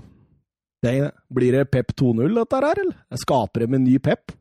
Uh, altså, Xavi er ikke noe pep, tror jeg, i det hele tatt. Uh, kanskje fotballfaglig, sånn filosofisk, så tror jeg han er veldig lik Pep. Men der Pep har en av sine største styrker, er jo det å motivere spillere. Der er jeg veldig usikker på Xavi. Altså. Mm. Er han like god som Pep der? Hvis han er det, da får vi en Pep 2-0. Men du bytter gjerne ut sett igjen med jeg var jo litt usikker på det sist også, at, men, men, sett igjen virker jo allerede nå og er i ferd med å miste garderoben. Og Sarabia, som er assistenttrener, virker jo som er mislikt av spillere. Jeg hørte jo til og med at Messi hadde bare nekta å høre på pausepraten deres. Ja, du så jo video av det. Veldig mm. vanskelig å, å tolke ja. noe av det, da. Men hvis det er sånn at det er tilfellet, så altså, da har du jo mista all, alt, da. Hvis han, spillere ikke hører på det. Men, men, men, men er vi i ferd med å se en spiller som blir større enn klubben her, Søren? Men det har han vært lenge. Ja, det er, vært det, ja, ja. Jeg tror Messi styrer eh, Jeg tror ikke Messi går inn på styrerommet til Barcelona og sier 'hør nå her, sånn skal vi gjøre det'. Det tror jeg ikke. Men at Messi har fått vilja si en del ganger, det tror jeg. Sitter og trekker i tråder. Jeg tror han gjør det, på hvert fall på noe. Og så tror jeg nok Bartomeu og co. har ikke fått til mye av det Messi ønsker. Og da sitter vi der nå i den situasjonen. Nå skal det jo også sies at eh, den sesongen her til Barcelona, den må de glemme fortest mulig. Altså. Her har det, vært, har det, det er lenge siden Barcelona har vært så langt unna sitt eget DNA som det de har vært denne sesongen. Og toppkandidat Victor Font han eh, lover jo Savi. Han lover eh, back to the roots, tilbake til eh, gylne tider og eh, Johan Cruyff og La Masia og hele pakka her. Ja, altså Og den lovnaden der den klinger jo veldig godt i ørene til, eh, til katalanske Barcelona-fans, eh, som nok savner Tiki Taka. Jeg har vi ikke begynt på Viareal-kampen, da, men det er lenge siden jeg har sett Barcelona så nærme Tiki Takaen som den var da. Det er kanskje den beste kampen jeg har sett på halvannet år. Ja, ta, ta, ta oss igjennom den. Altså, Det var en fantastisk fotballkamp, og mye henger litt sammen med Griezmann, faktisk. Han, beste kampen han har levert i Barcelona-drakt. Flytta inn sentralt? Han var mye mer sentral. Eh, jeg så også at Barcelona starter sånn i dag, eh, med Griezmann og Suárez mer sentrale, og Messi kanskje enda friere, da, hvis vi kan kalle det det. Mm. Eh, men, men, en Messi som var i spillehumør, en, en Griezmann i mye mer vant posisjon, kan vi kalle det det. Eh, og så syns jeg Roberto var strålende altså, på midtbanen. Det var mer fotball i han enn det jeg trodde, så hvis han greier å stabilisere seg der, har vi ikke noe bruk for Vidal. Og ikke Ricky Porch, de tre siste kampene med han syns jeg har vært eh, strålende. Ja.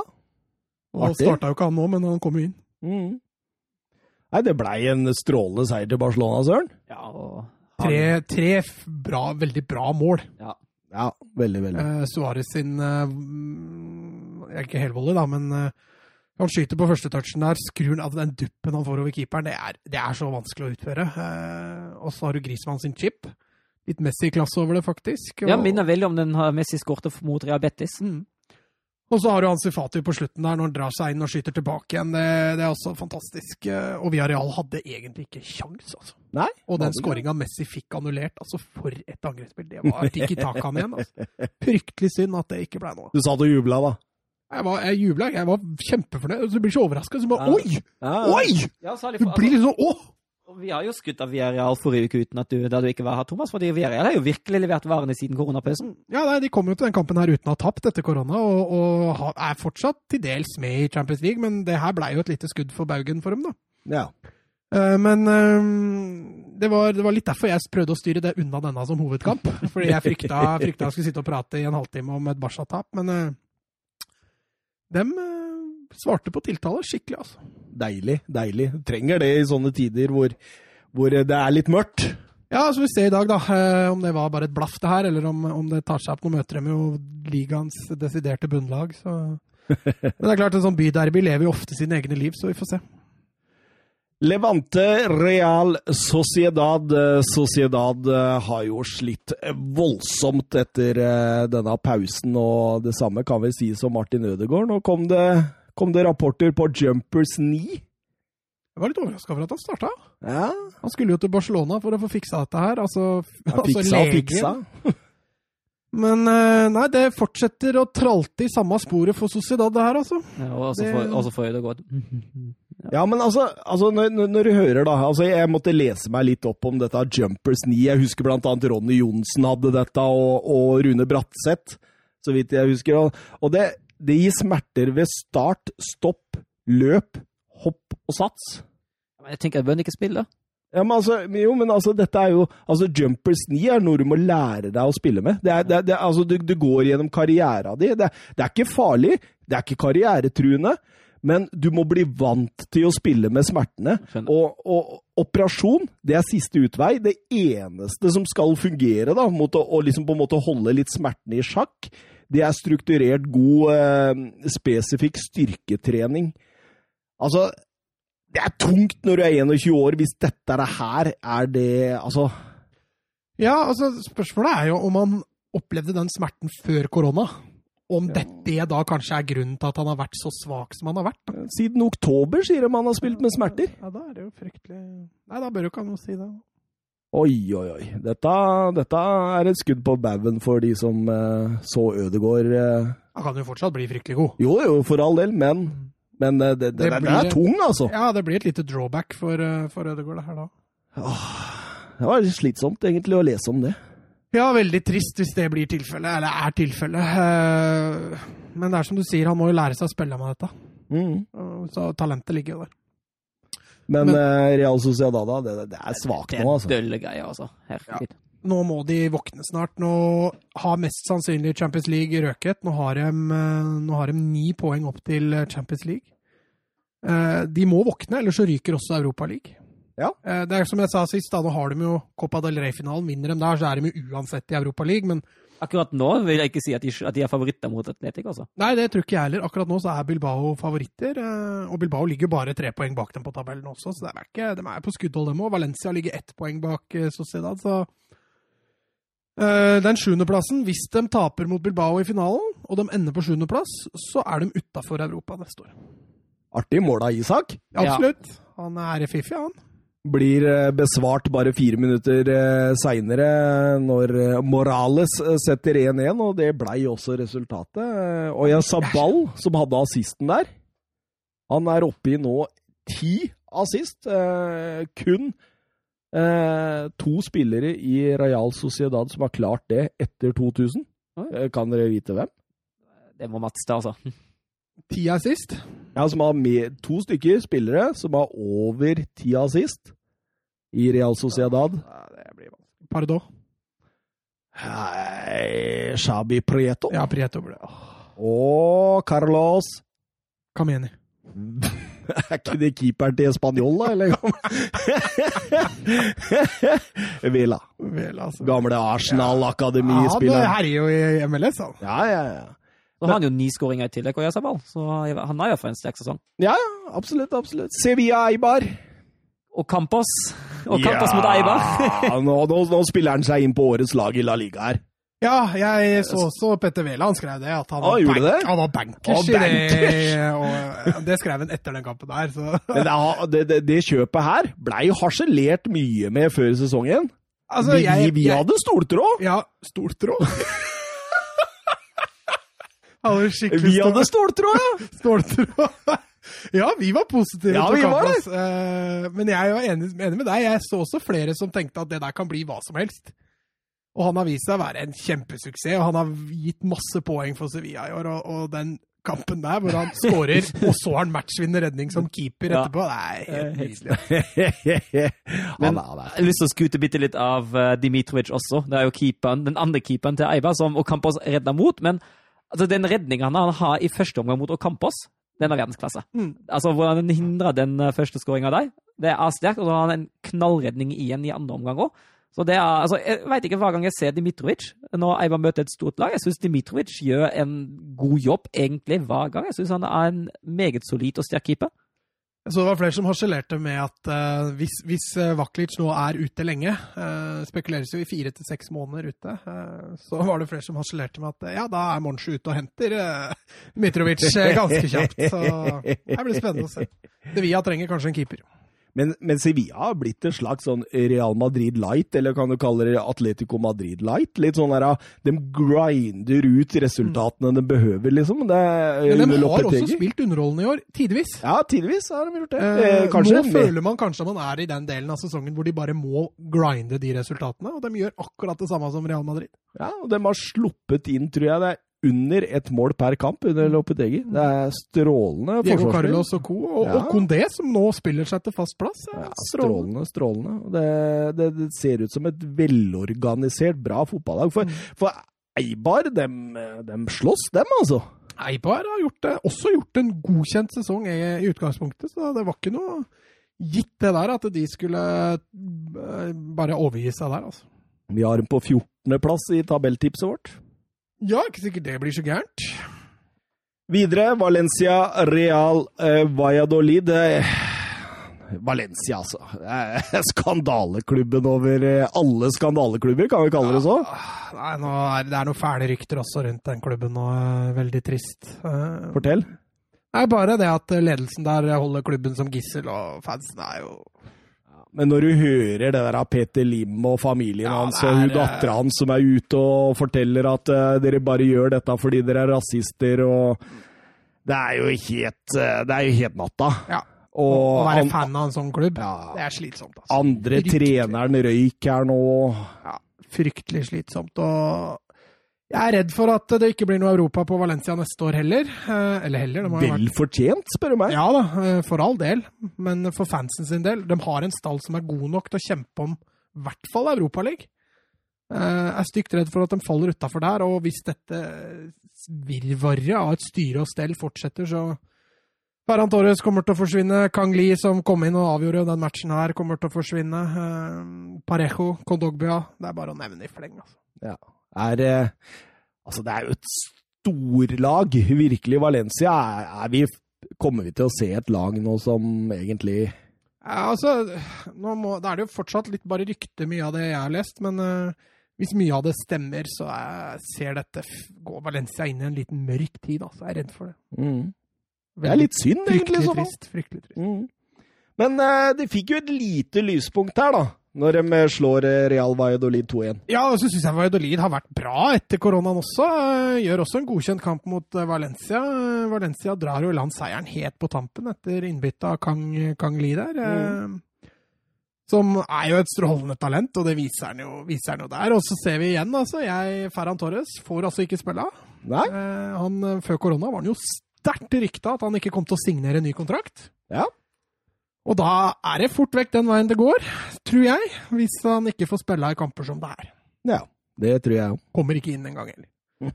Og da, da, er jeg redd at han, han blir borte. Bekemørkt, Søren? Ja, ser sånn ut. Synd. Celta Vigo, Atletico Madrid, Mats uh, Morata.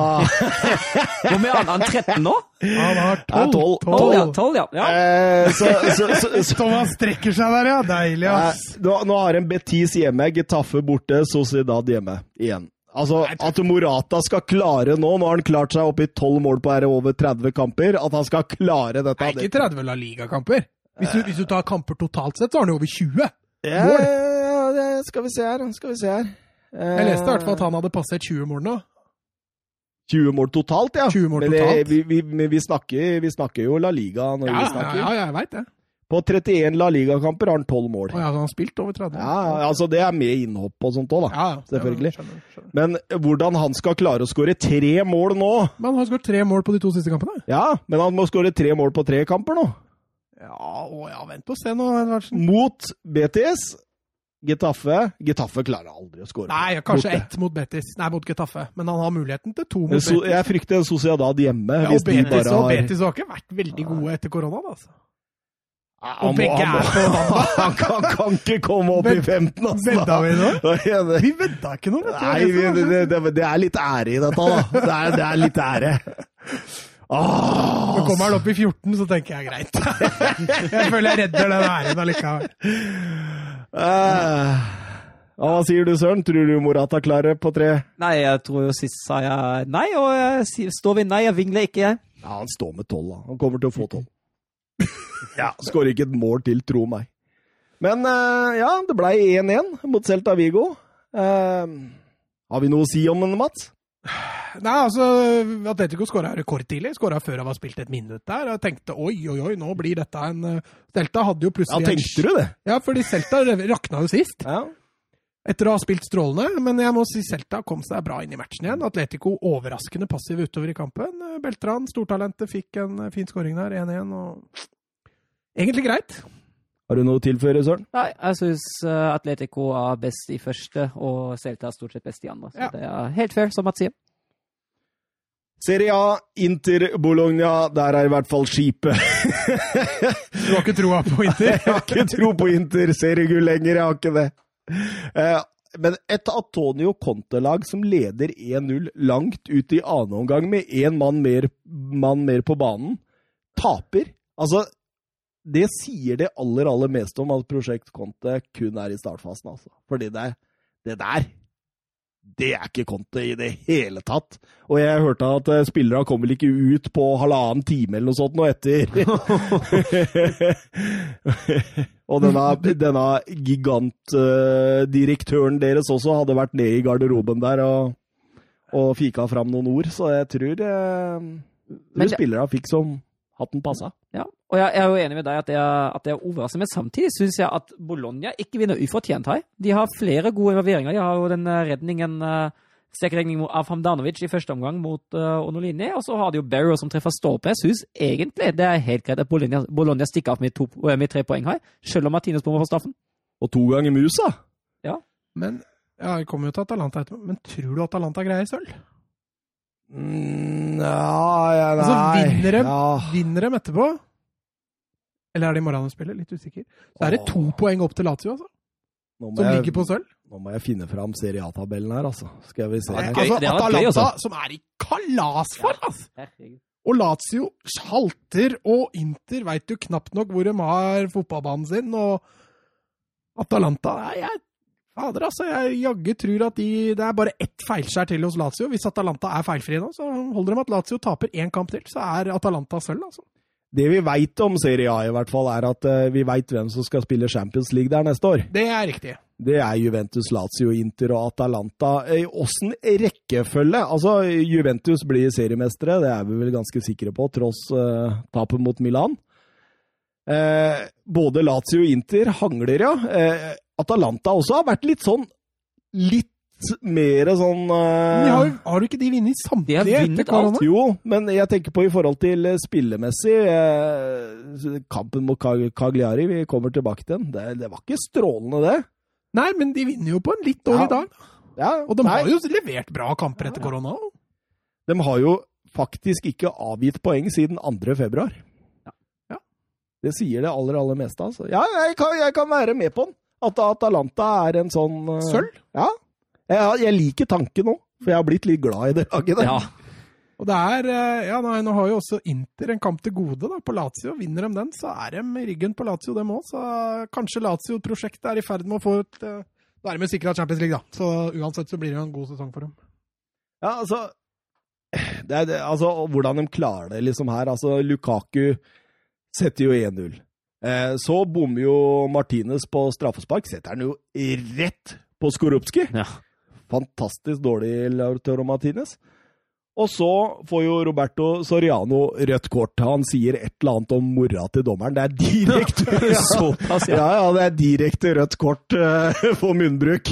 Men Det, det, det syns jeg er fascinerende, fordi jeg føler at den ligaen der det har vært litt sånn mest rødt kort på klaging etter at dommerne faktisk kunne høre det, det er faktisk, det er faktisk Italia. Ja, Serie A. Serie A har blitt nydelig, syns jeg, etter vi fikk Mamma høre mia. Siden vi, etter vi fikk høre hva spillerne sier og sånn, så. I La, I La Liga er jo antar røde kort gått kraftig ned. I Tror jeg ikke vi har fått et eneste rødt kort på klaging. Jeg tror ikke i Premier League heller, men La Liga, da ja, peiser de på. Serie A, der, der kjører man. Eh, Musa Juvara skårer sitt første Serie A-mål. Eh, 18 år gammel, gambisk eh, landslagsspiller. Før eh, hans landsmann Moussa Barrow, to ganger Musa, setter 1-2. Eh, syns Bologna er litt, de, de er litt sånn morsomme. De er litt sånn Altså, laget er ganske, egentlig ganske fint sammensatt. Mm. Jeg tror det er et kjipt lag å undervurdere litt. Ja, absolutt. Og Ricardo Cellini, der har de jo også eh, X-faktoren. Mm. 23-åringen der. En så deilig playmaker-type som også kan skåre en haug av mål. 23 år. Italiensk kom fra Juventus før sesongen for kun 15 millioner eh, euro. Det er jo nesten latterlig.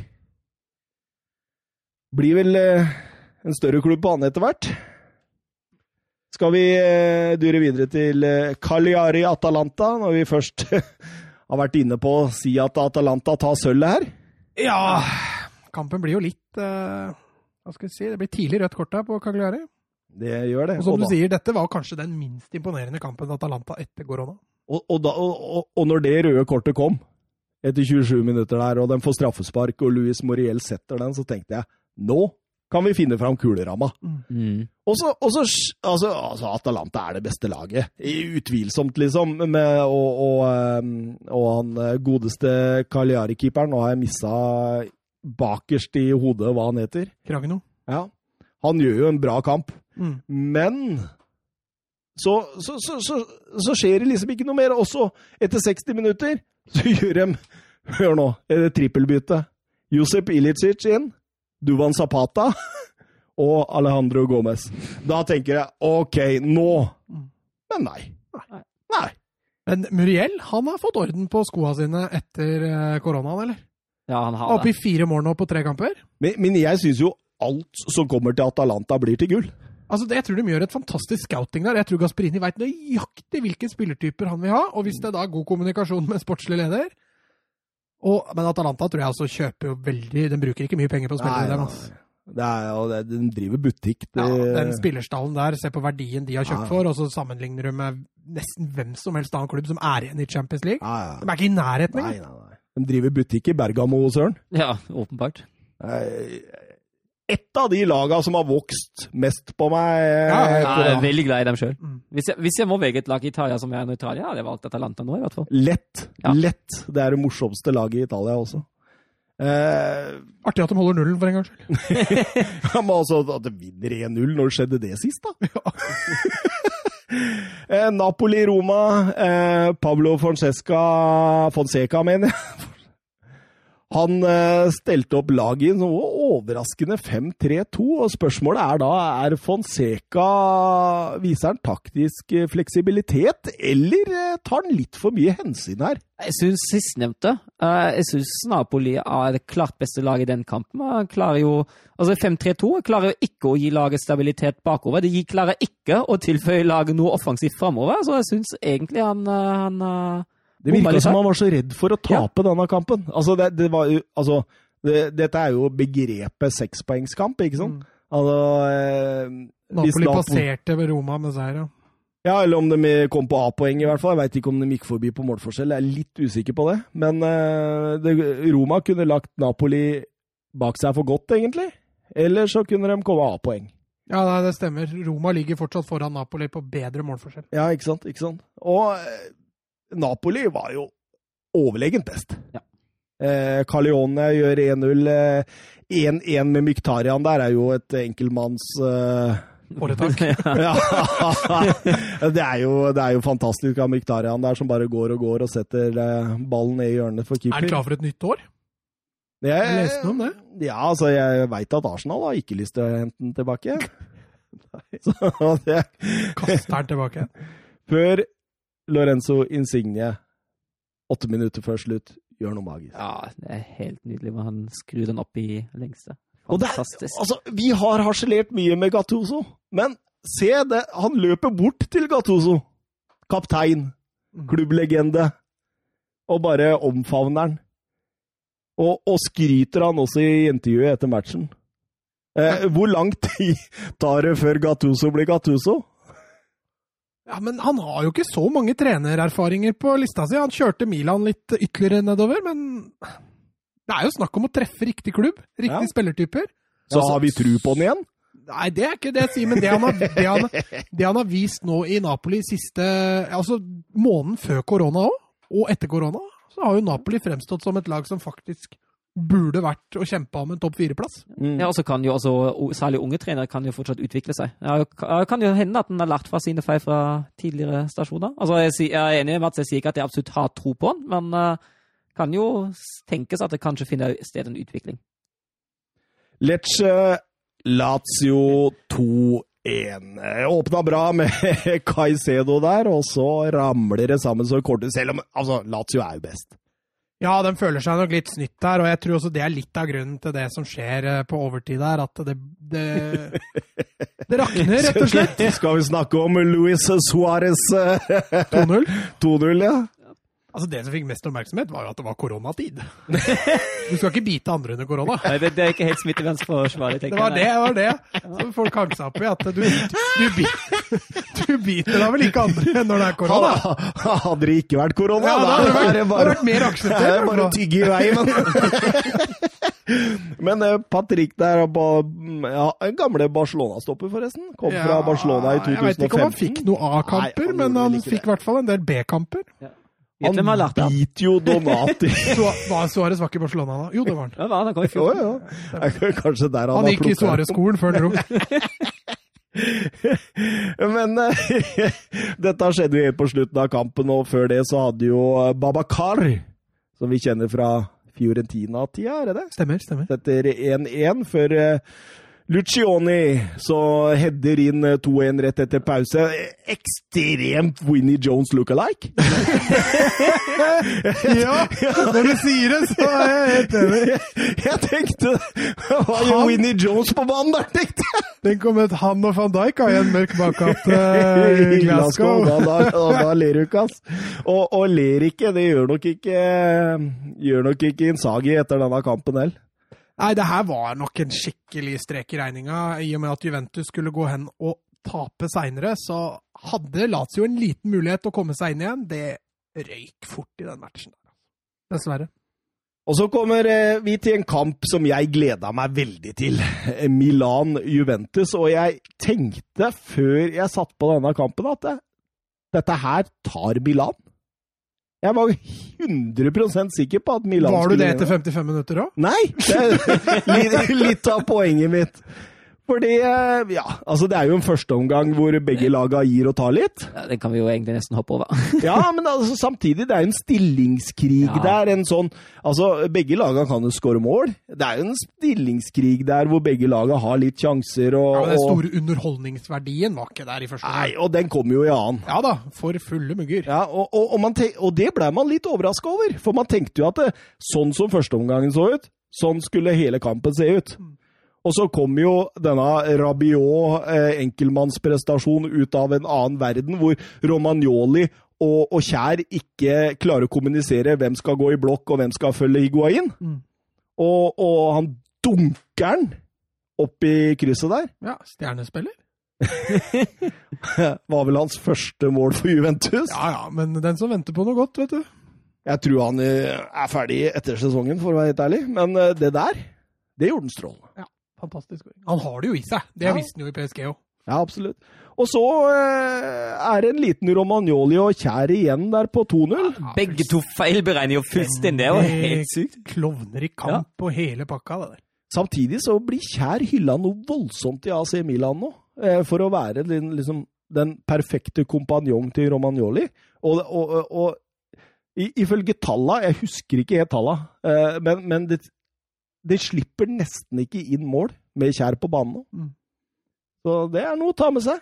Gamle Sevilla-stopperen. Ja, er han ikke leid ut, da? Han var i Wolfsburg òg. Ja, er han leid ut?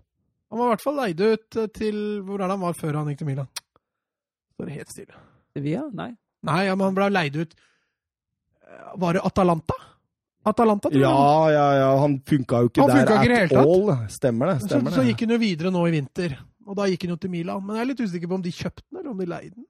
Det kan vi finne raskt ut her, tror jeg. Vi... Han var i hvert fall Sevilla. Nei, jo, han, han er i Sevilla. Ja. Han var på lån i Atalanta, fikk seks kamper. Mm. Og nå er han på lån i Milan. Ja, så er, om det er en viderekjøpsklausul der, det veit jeg ikke. Nei, det Men så kommer jo en snuoperasjon vi sjelden har sett maken til. Altså, når Juventus leder 2-0, da skal Juventus vinne. Ja.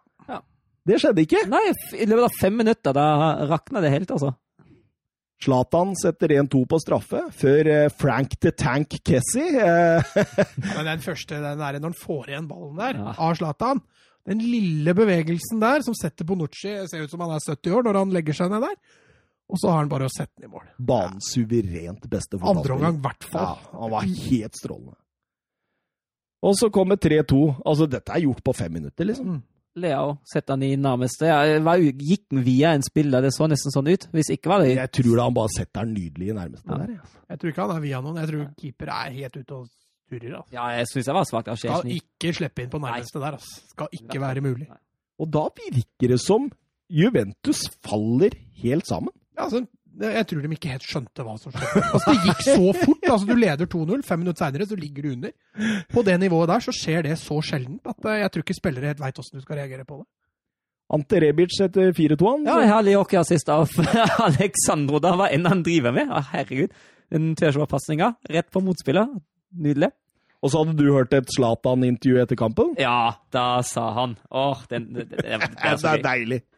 Hadde jeg spilt, fra hadde jeg spilt her fra dag én, hadde Milan vunnet Scudetto. Jeg er klubbpresident, trener og spiller, alt sammen. Men jeg får bare betalt som spiller. Det er det negative aspektet. Altså, det, det, kommer fra duden som har skåra fem mål på elleve kamper, og to av dem straffa. Ligger på 14.-plass i mål per kampstatistikk i serien. Men uh, ja. Han er fin. Hadde vi, Tippa ikke vi hvor mange mål han endte opp med? Jo, vi tippa det, men jeg husker jo Jo, ti pluss, sa vi. Hva vi endte vi på ti pluss? Ja, 10 pluss. Der lander han ikke, vet du. Nei, Hvor mange har han nådd? Fem, sa du? Fem. Det er større ja, sjanse for at han lander på ti pluss, enn at Morata havner på fem. Du er der, ja! ja fem kamper. Det er vel, det er vel åtte sju kamper ja, det er mange Seks eller sju igjen. Ja, ja. det er litt flere igjen i serien òg. Absolutt. Eh, Pioli gjør en stor jobb. Jeg hører det snakkes og hviskes i gangene der om at han er en kandidat til årets trener i Serie A, etter han tok over rotet til Gianpaolo. Altså, Et rykte nå at Ragnhild skal være på vei inn av Det hører jeg òg. Mm. Som sportsdirektør og trener, vel å merke. Ja, men altså, Pio, altså Dette må vi ta litt. Fordi nå sitter jo AC Milan med en trener som endelig Har fått på, orden. Ja, på ti år i klubben så har de fått orden på, på, på i hvert fall resultatene. På det sportslige. Ja. Eh, og så velger jo Milan da, åpenbart ifølge Sky Italia i hvert fall, så er jo Ragnhild så å si klar å gå en annen vei.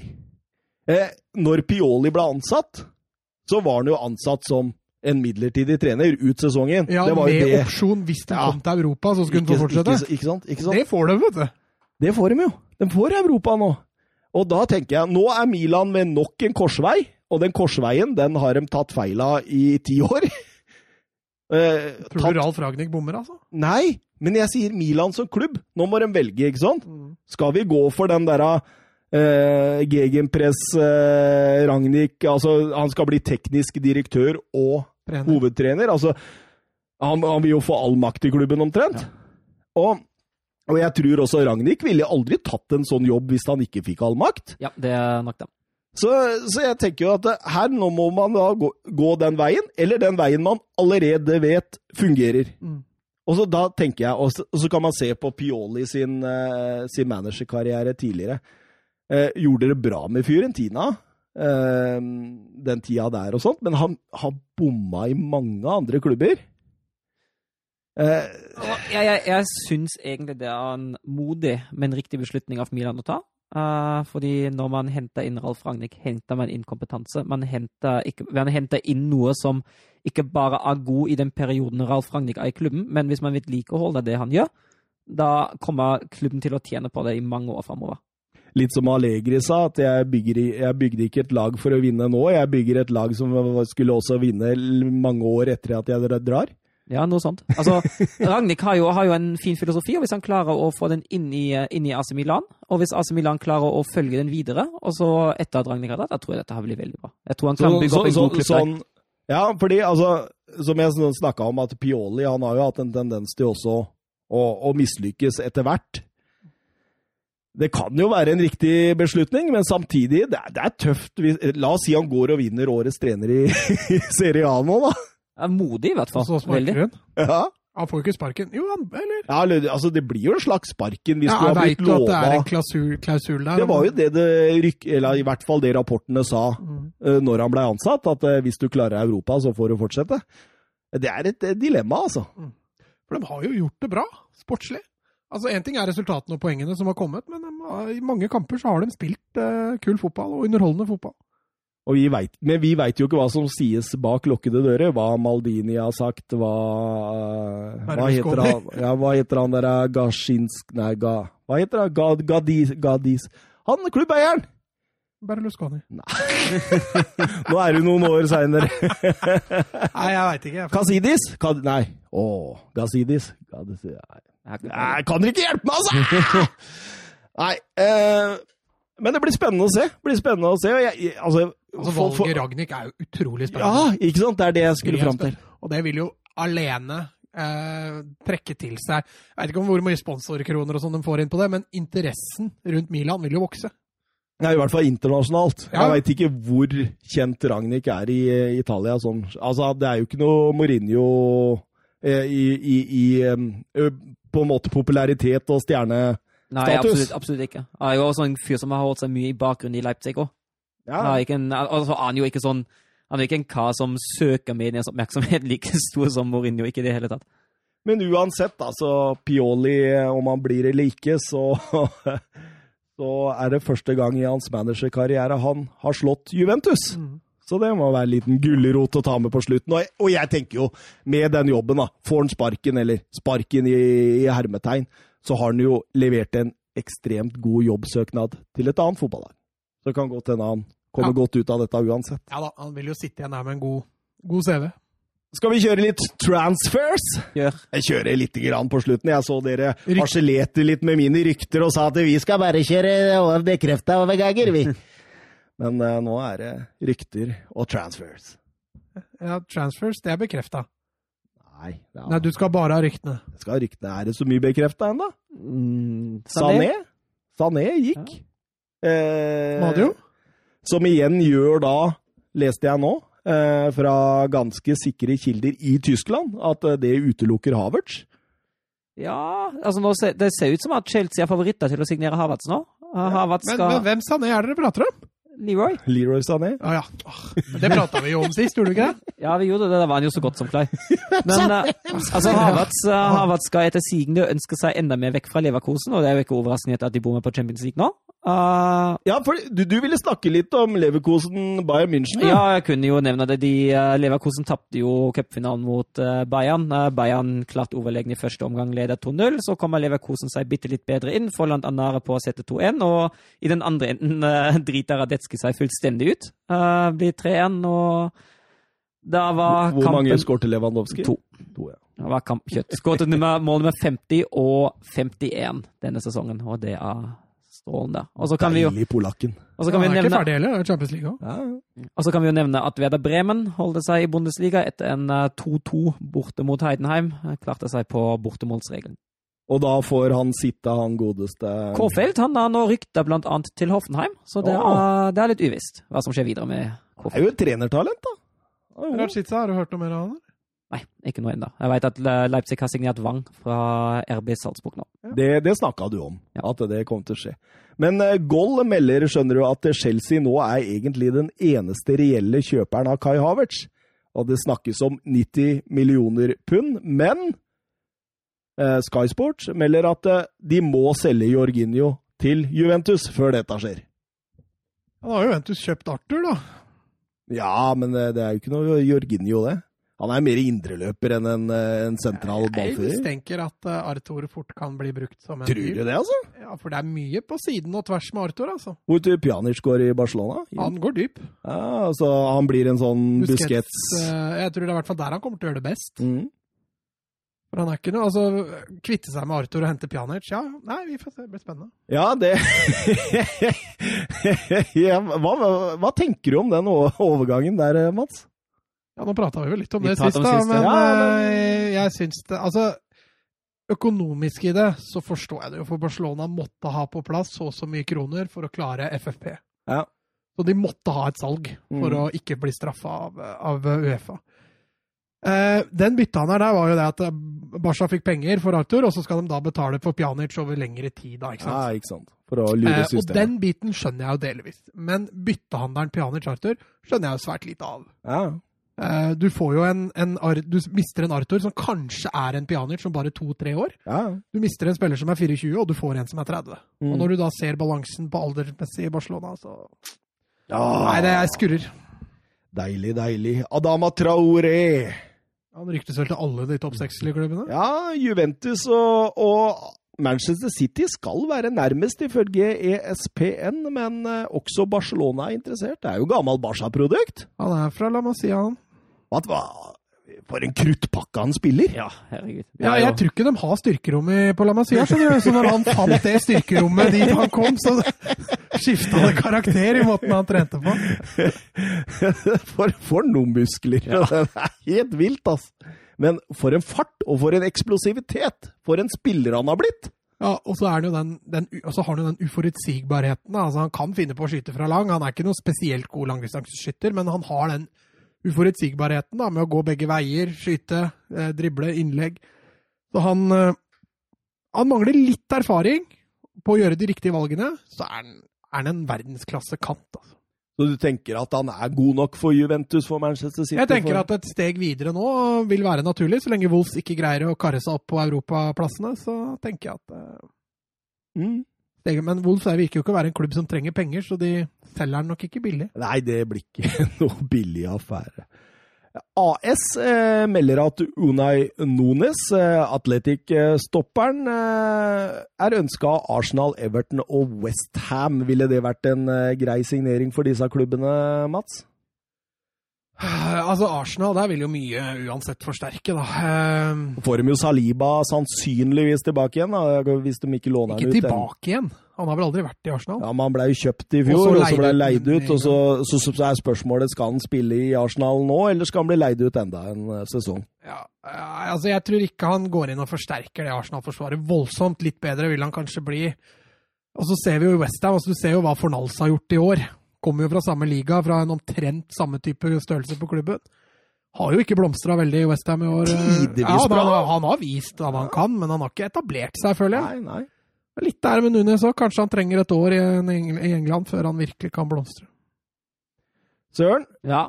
Opa Mekano kommer til å skrive under på en lengre avtale med RB Leipzig. ja, det kan jo fort bli i, uh, i Timo Werner-duren. At man blir enig om en uh, fornyelse, men at det blir en uh, utkjøpsklausul der inne. Det har jo Leipzig jo gode erfaringer med. Men det betyr at denne overgangen til Arsenal som blir snakket så mye Ja. om, at den ser mer fjernere ut. den, uh, den, røy, den røyk vel uansett i det øyeblikket korona kom. Da var det egentlig ganske tydelig at Arsenal ikke kom til å betale de pengene som Leipzig vil ha for den. Uh, og Leipzigs fremste mål har jo vært at den ikke går gratis, og det kommer han jo ikke til å gjøre nå. Det det er, det er nok viktig for klubben å få gjennom den forlengelsen der. Skulle nesten ønske han gikk til Arsenal. Jeg tror ikke han har tempo i Premier League. Nei, du eh, påstår det. Jeg har ikke sagt noe imot det. Det hadde vært artig å sette han der, og sett hva han fått utretta. The Independent uh, melder at uh, Manchester United og Manchester City er i budkrig på Kolobali, og at begge lagene har Milan Skriniar som sin backup-løsning. Uh, er tap for Minter hvis han forsvinner, i hvert fall.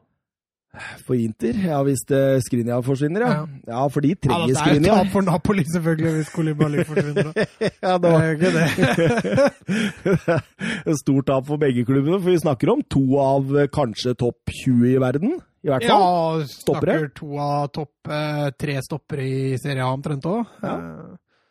Så det er to klassestoppere, det der. Eh, Spørsmålet selvfølgelig er sikkert hvor mye de ender opp med å måtte betale. Men begge disse klubbene, Manchester-klubbene, trenger jo en stopper. Utvilsomt. Så eh, Da går Kolibali til den ene og Skinja til den andre. Ja, Problemet løst for begge. ja, hvis det er så enkelt, så, så. Med fredsmegler Men, Dupker men, men, men hvem ville du mest hatt av de to? Hvis du, la, la oss si du var Pep nå. Hvem er mest spillende av dem, er spørsmålet egentlig hvis du er Pep. Hvis du er Solskjær, så er det bare hvem er best til å stoppe en ball? Ja, jeg tror kanskje Å, den var tøff. Nei, hvis jeg skulle satt to i hver sin klubb, så hadde jeg satt Kolibali i City, og så hadde jeg satt Skriniar i United. Også. Ja. Corriere dello Sport hevder at eh, Napoli er nær Lils Victor Oshimen, som ikke ville bli spille annenfiolin for Harry Kane. Eh, ringvirkningen av dette kan bli at eh, Milik havner i Spurs, ifølge Gazzetta dello Sport. Hva tenker vi om det? Nei, Vi har jo snakka om at Milik vil være en eh, bra andrefiolin for Kane. Eh, litt annen spillertype, men eh, kan være fin for Tottenham å ha å kaste innpå i kamper hvor de trenger litt luftskyts. Eh, Oshimen er jo forholdsvis litt uslepen. Fransk fotball, eh, som hvis vi ser bort fra PSG, da, er ikke noe lett målestokk for de større klubbene, tror jeg. Jeg tror ikke det er så lett å vite. Se Nicolas Pepe, for eksempel.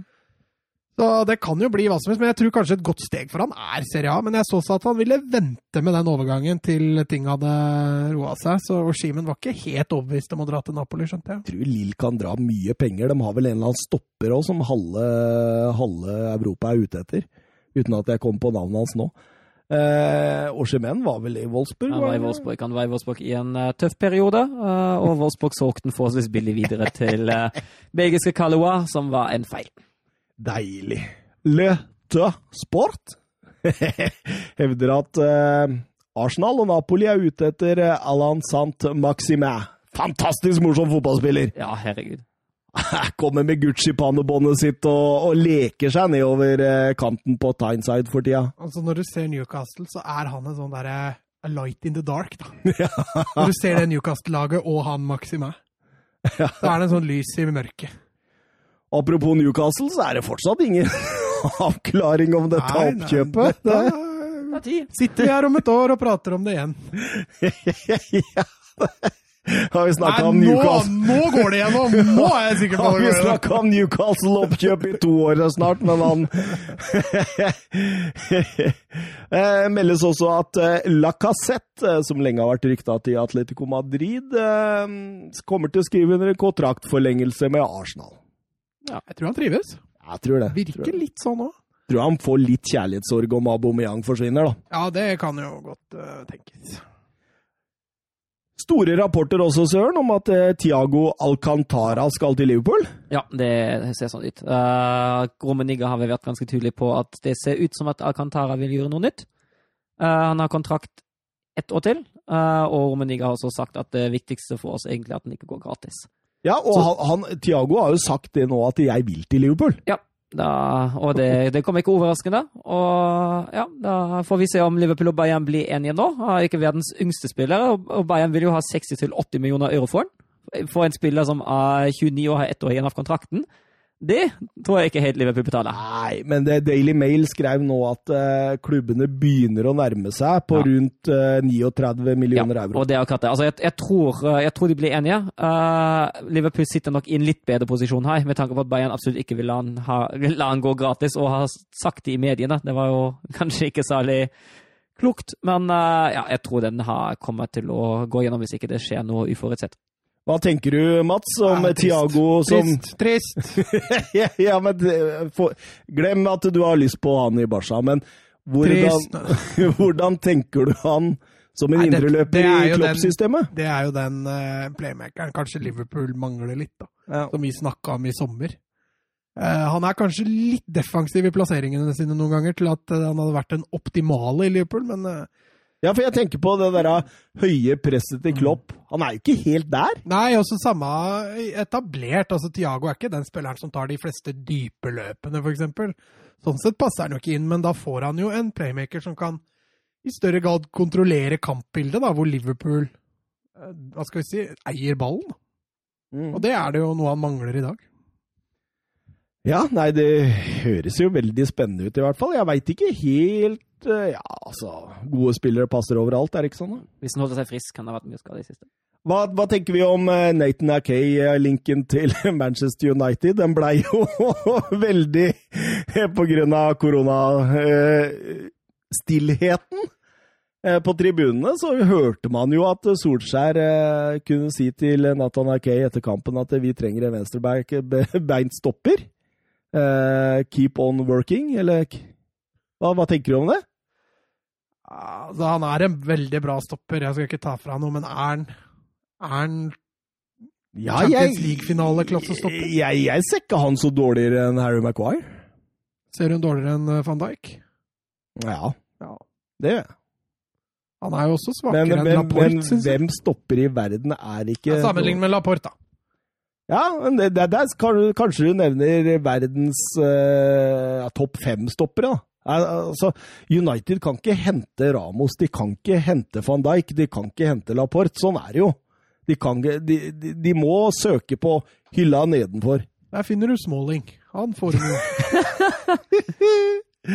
Vi går videre. Eh, Sky hevder at Tottenham og Barcelona Tanga Yendombele, årets kjøp, var det ikke det du meldte, Dorsen? Ja, ja, ja, ja, ja. Det gikk ikke.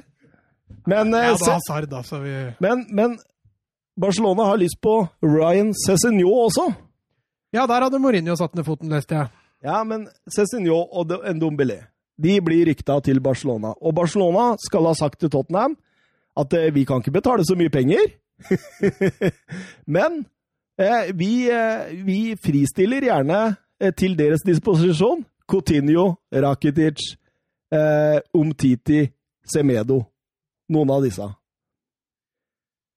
Eh, hva, hva, tenker du, Søren? Nei, det, jeg veit ikke helt om uh... Bartongen på vei bort, så er jo Umtiti. Umtiti. Ja, altså for tot, jeg tror for Tottenham var ikke det det dummeste. Hvis, hvis, hvis, Tottenham klarer nå å bytte bort Cézinho og en Dombele for Coutinho og Omtiti. Ja, jeg tror da gjør Tottenham en god deal. Ja, jeg tror jeg Tottenham gjør en god deal. Men uh, det gjør ja, ikke Hvis de slipper å betale noe penger for det, ja. så har de gjort en veldig ja, god deal. Uh, Barcelona derimot uh, Nei. Nei, Barcelona fortsetter jo sin uh, sånn de har gjort ja, ja, de gjør, åra, altså, det er jo ikke noe overraskende at de surrer på overgangsmarkedet. Da var jeg tilbake, og vi er oppe i to timer og åtte minutter, Søren. Ja, jeg må ikke toget. ja, bare stikk, du. Det går fint, det. Vi klarer oss her, vi. Sitte og prate gjennom natta, vi, Mats. Nei. Ja da. Vi får ta noen rykter. Eh, vi får ta noen rykter. Eh, vi møtes vel igjen eh, til neste uke? Ja. Eh, sånn tirsdag, onsdag ish. Men kan vi ta en sånn rundens mål, eller? At alle finner hvert sitt mål, og så kjører ja, vi en sånn stemmegreie på Twitter hvem som blir rundens mål. Skal vi ta vi uhøytidelig nå uten å tenke for lenge, holdt jeg på å si? Skal vi bare Ok, greit. Ja. Vi kan godt eh, Hva er ditt uh, rundens mål? Grismann. Å, det var den jeg skulle ta. Ah. Ja. Uh, ja. Men du kan jo ta det samme. Fader, det er dårlig gjort å bare ta den sånn uh... For meg så står det mellom Saha og Rabiot, faktisk. Ja, jeg har også tenkt litt på Rabiot. Saha, da, vet du, Premier League. Nei, da ble jeg sittende Ja, jeg tar Grismann, jeg òg. Jeg tar Rabiot, jeg. Favorittspilleren din? ja, Og la lytterne bestemme hva som var rundens mål, da. Den var fin. Den var fin. Finne et par, eh, par, eh, kandidater, og så slenger du ut på Twitter. Ja. Det kan vi gjøre. Litt engasjement. Nå har vi jo rundens mål og rundens mål. Vi, vi, vi, veksler jo litt mellom runder nå for å være det nye Altså for å ha ja, ferskest ja. mulig rapporter. Jeg tenker jo helgens mål er jo det som man kanskje kan si kaller det. Ja, istedenfor runden, så ja, altså Ja. Ukas mål. Ukas mål. Åh, deilig. Søren har kledd på seg. Bare, bare stikk du, Søren. Ja, da sier jeg ha det. Ja, ha det bra. Adjø. Ha det.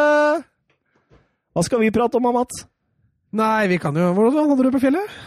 Jeg hadde det strålende. Var det varmt? Eh, nei, altså, vet du hva? Eh, siden jeg hadde med meg alle barna mine, så, eh, så måtte vi velge en barnevennlig rute. Så eh, vi kjørte en sånn eh, Vi gikk fem, fem, mil, faktisk, til sammen i løpet av den. Eh, og da gikk vi ned fra den seteren vi bodde på et par dager, da, så gikk vi ned til Storgrytdal, tror jeg, og så var vi på en DT-hytte der. Før vi gikk en mil opp igjen, opp på Snaufjellet. Opp til Korsberghytta. Der snødde det så det sang. Vi møtte også hagl på veien. Så, så dere noe i telt? Da? Eh, ingenting i telt. Det var, det var DNT-hytter også på denne setra igjen. Jeg kan virkelig anbefale denne setra. Det var en nydelig seter, uten at jeg bre, Breisjøseter. Ja. Eh, nydelig, nydelig liten seter eh, hvor det jobber folk 24-7. Du får god mat og, og, drikke der, samtidig som det er nydelig beliggenhet for mange fine fotturer Oppi i Rondane. Ja. Mm -hmm. Kose deg, altså. Vi har kosa oss veldig. Eh, nå drar jeg en tur eh, hjem til mine røtter, eh, til Rjukan. Eh, skal jeg se fotballen min der, og så møtes vi igjen neste uke, Mats. Tirsdag, eller? Tirsdag passer egentlig greit, det. Mm. mm. Skal vi bare si det sånn, eller si bye bye? Vi sier det sånn. Ja. Ha det, ha det! Adjø.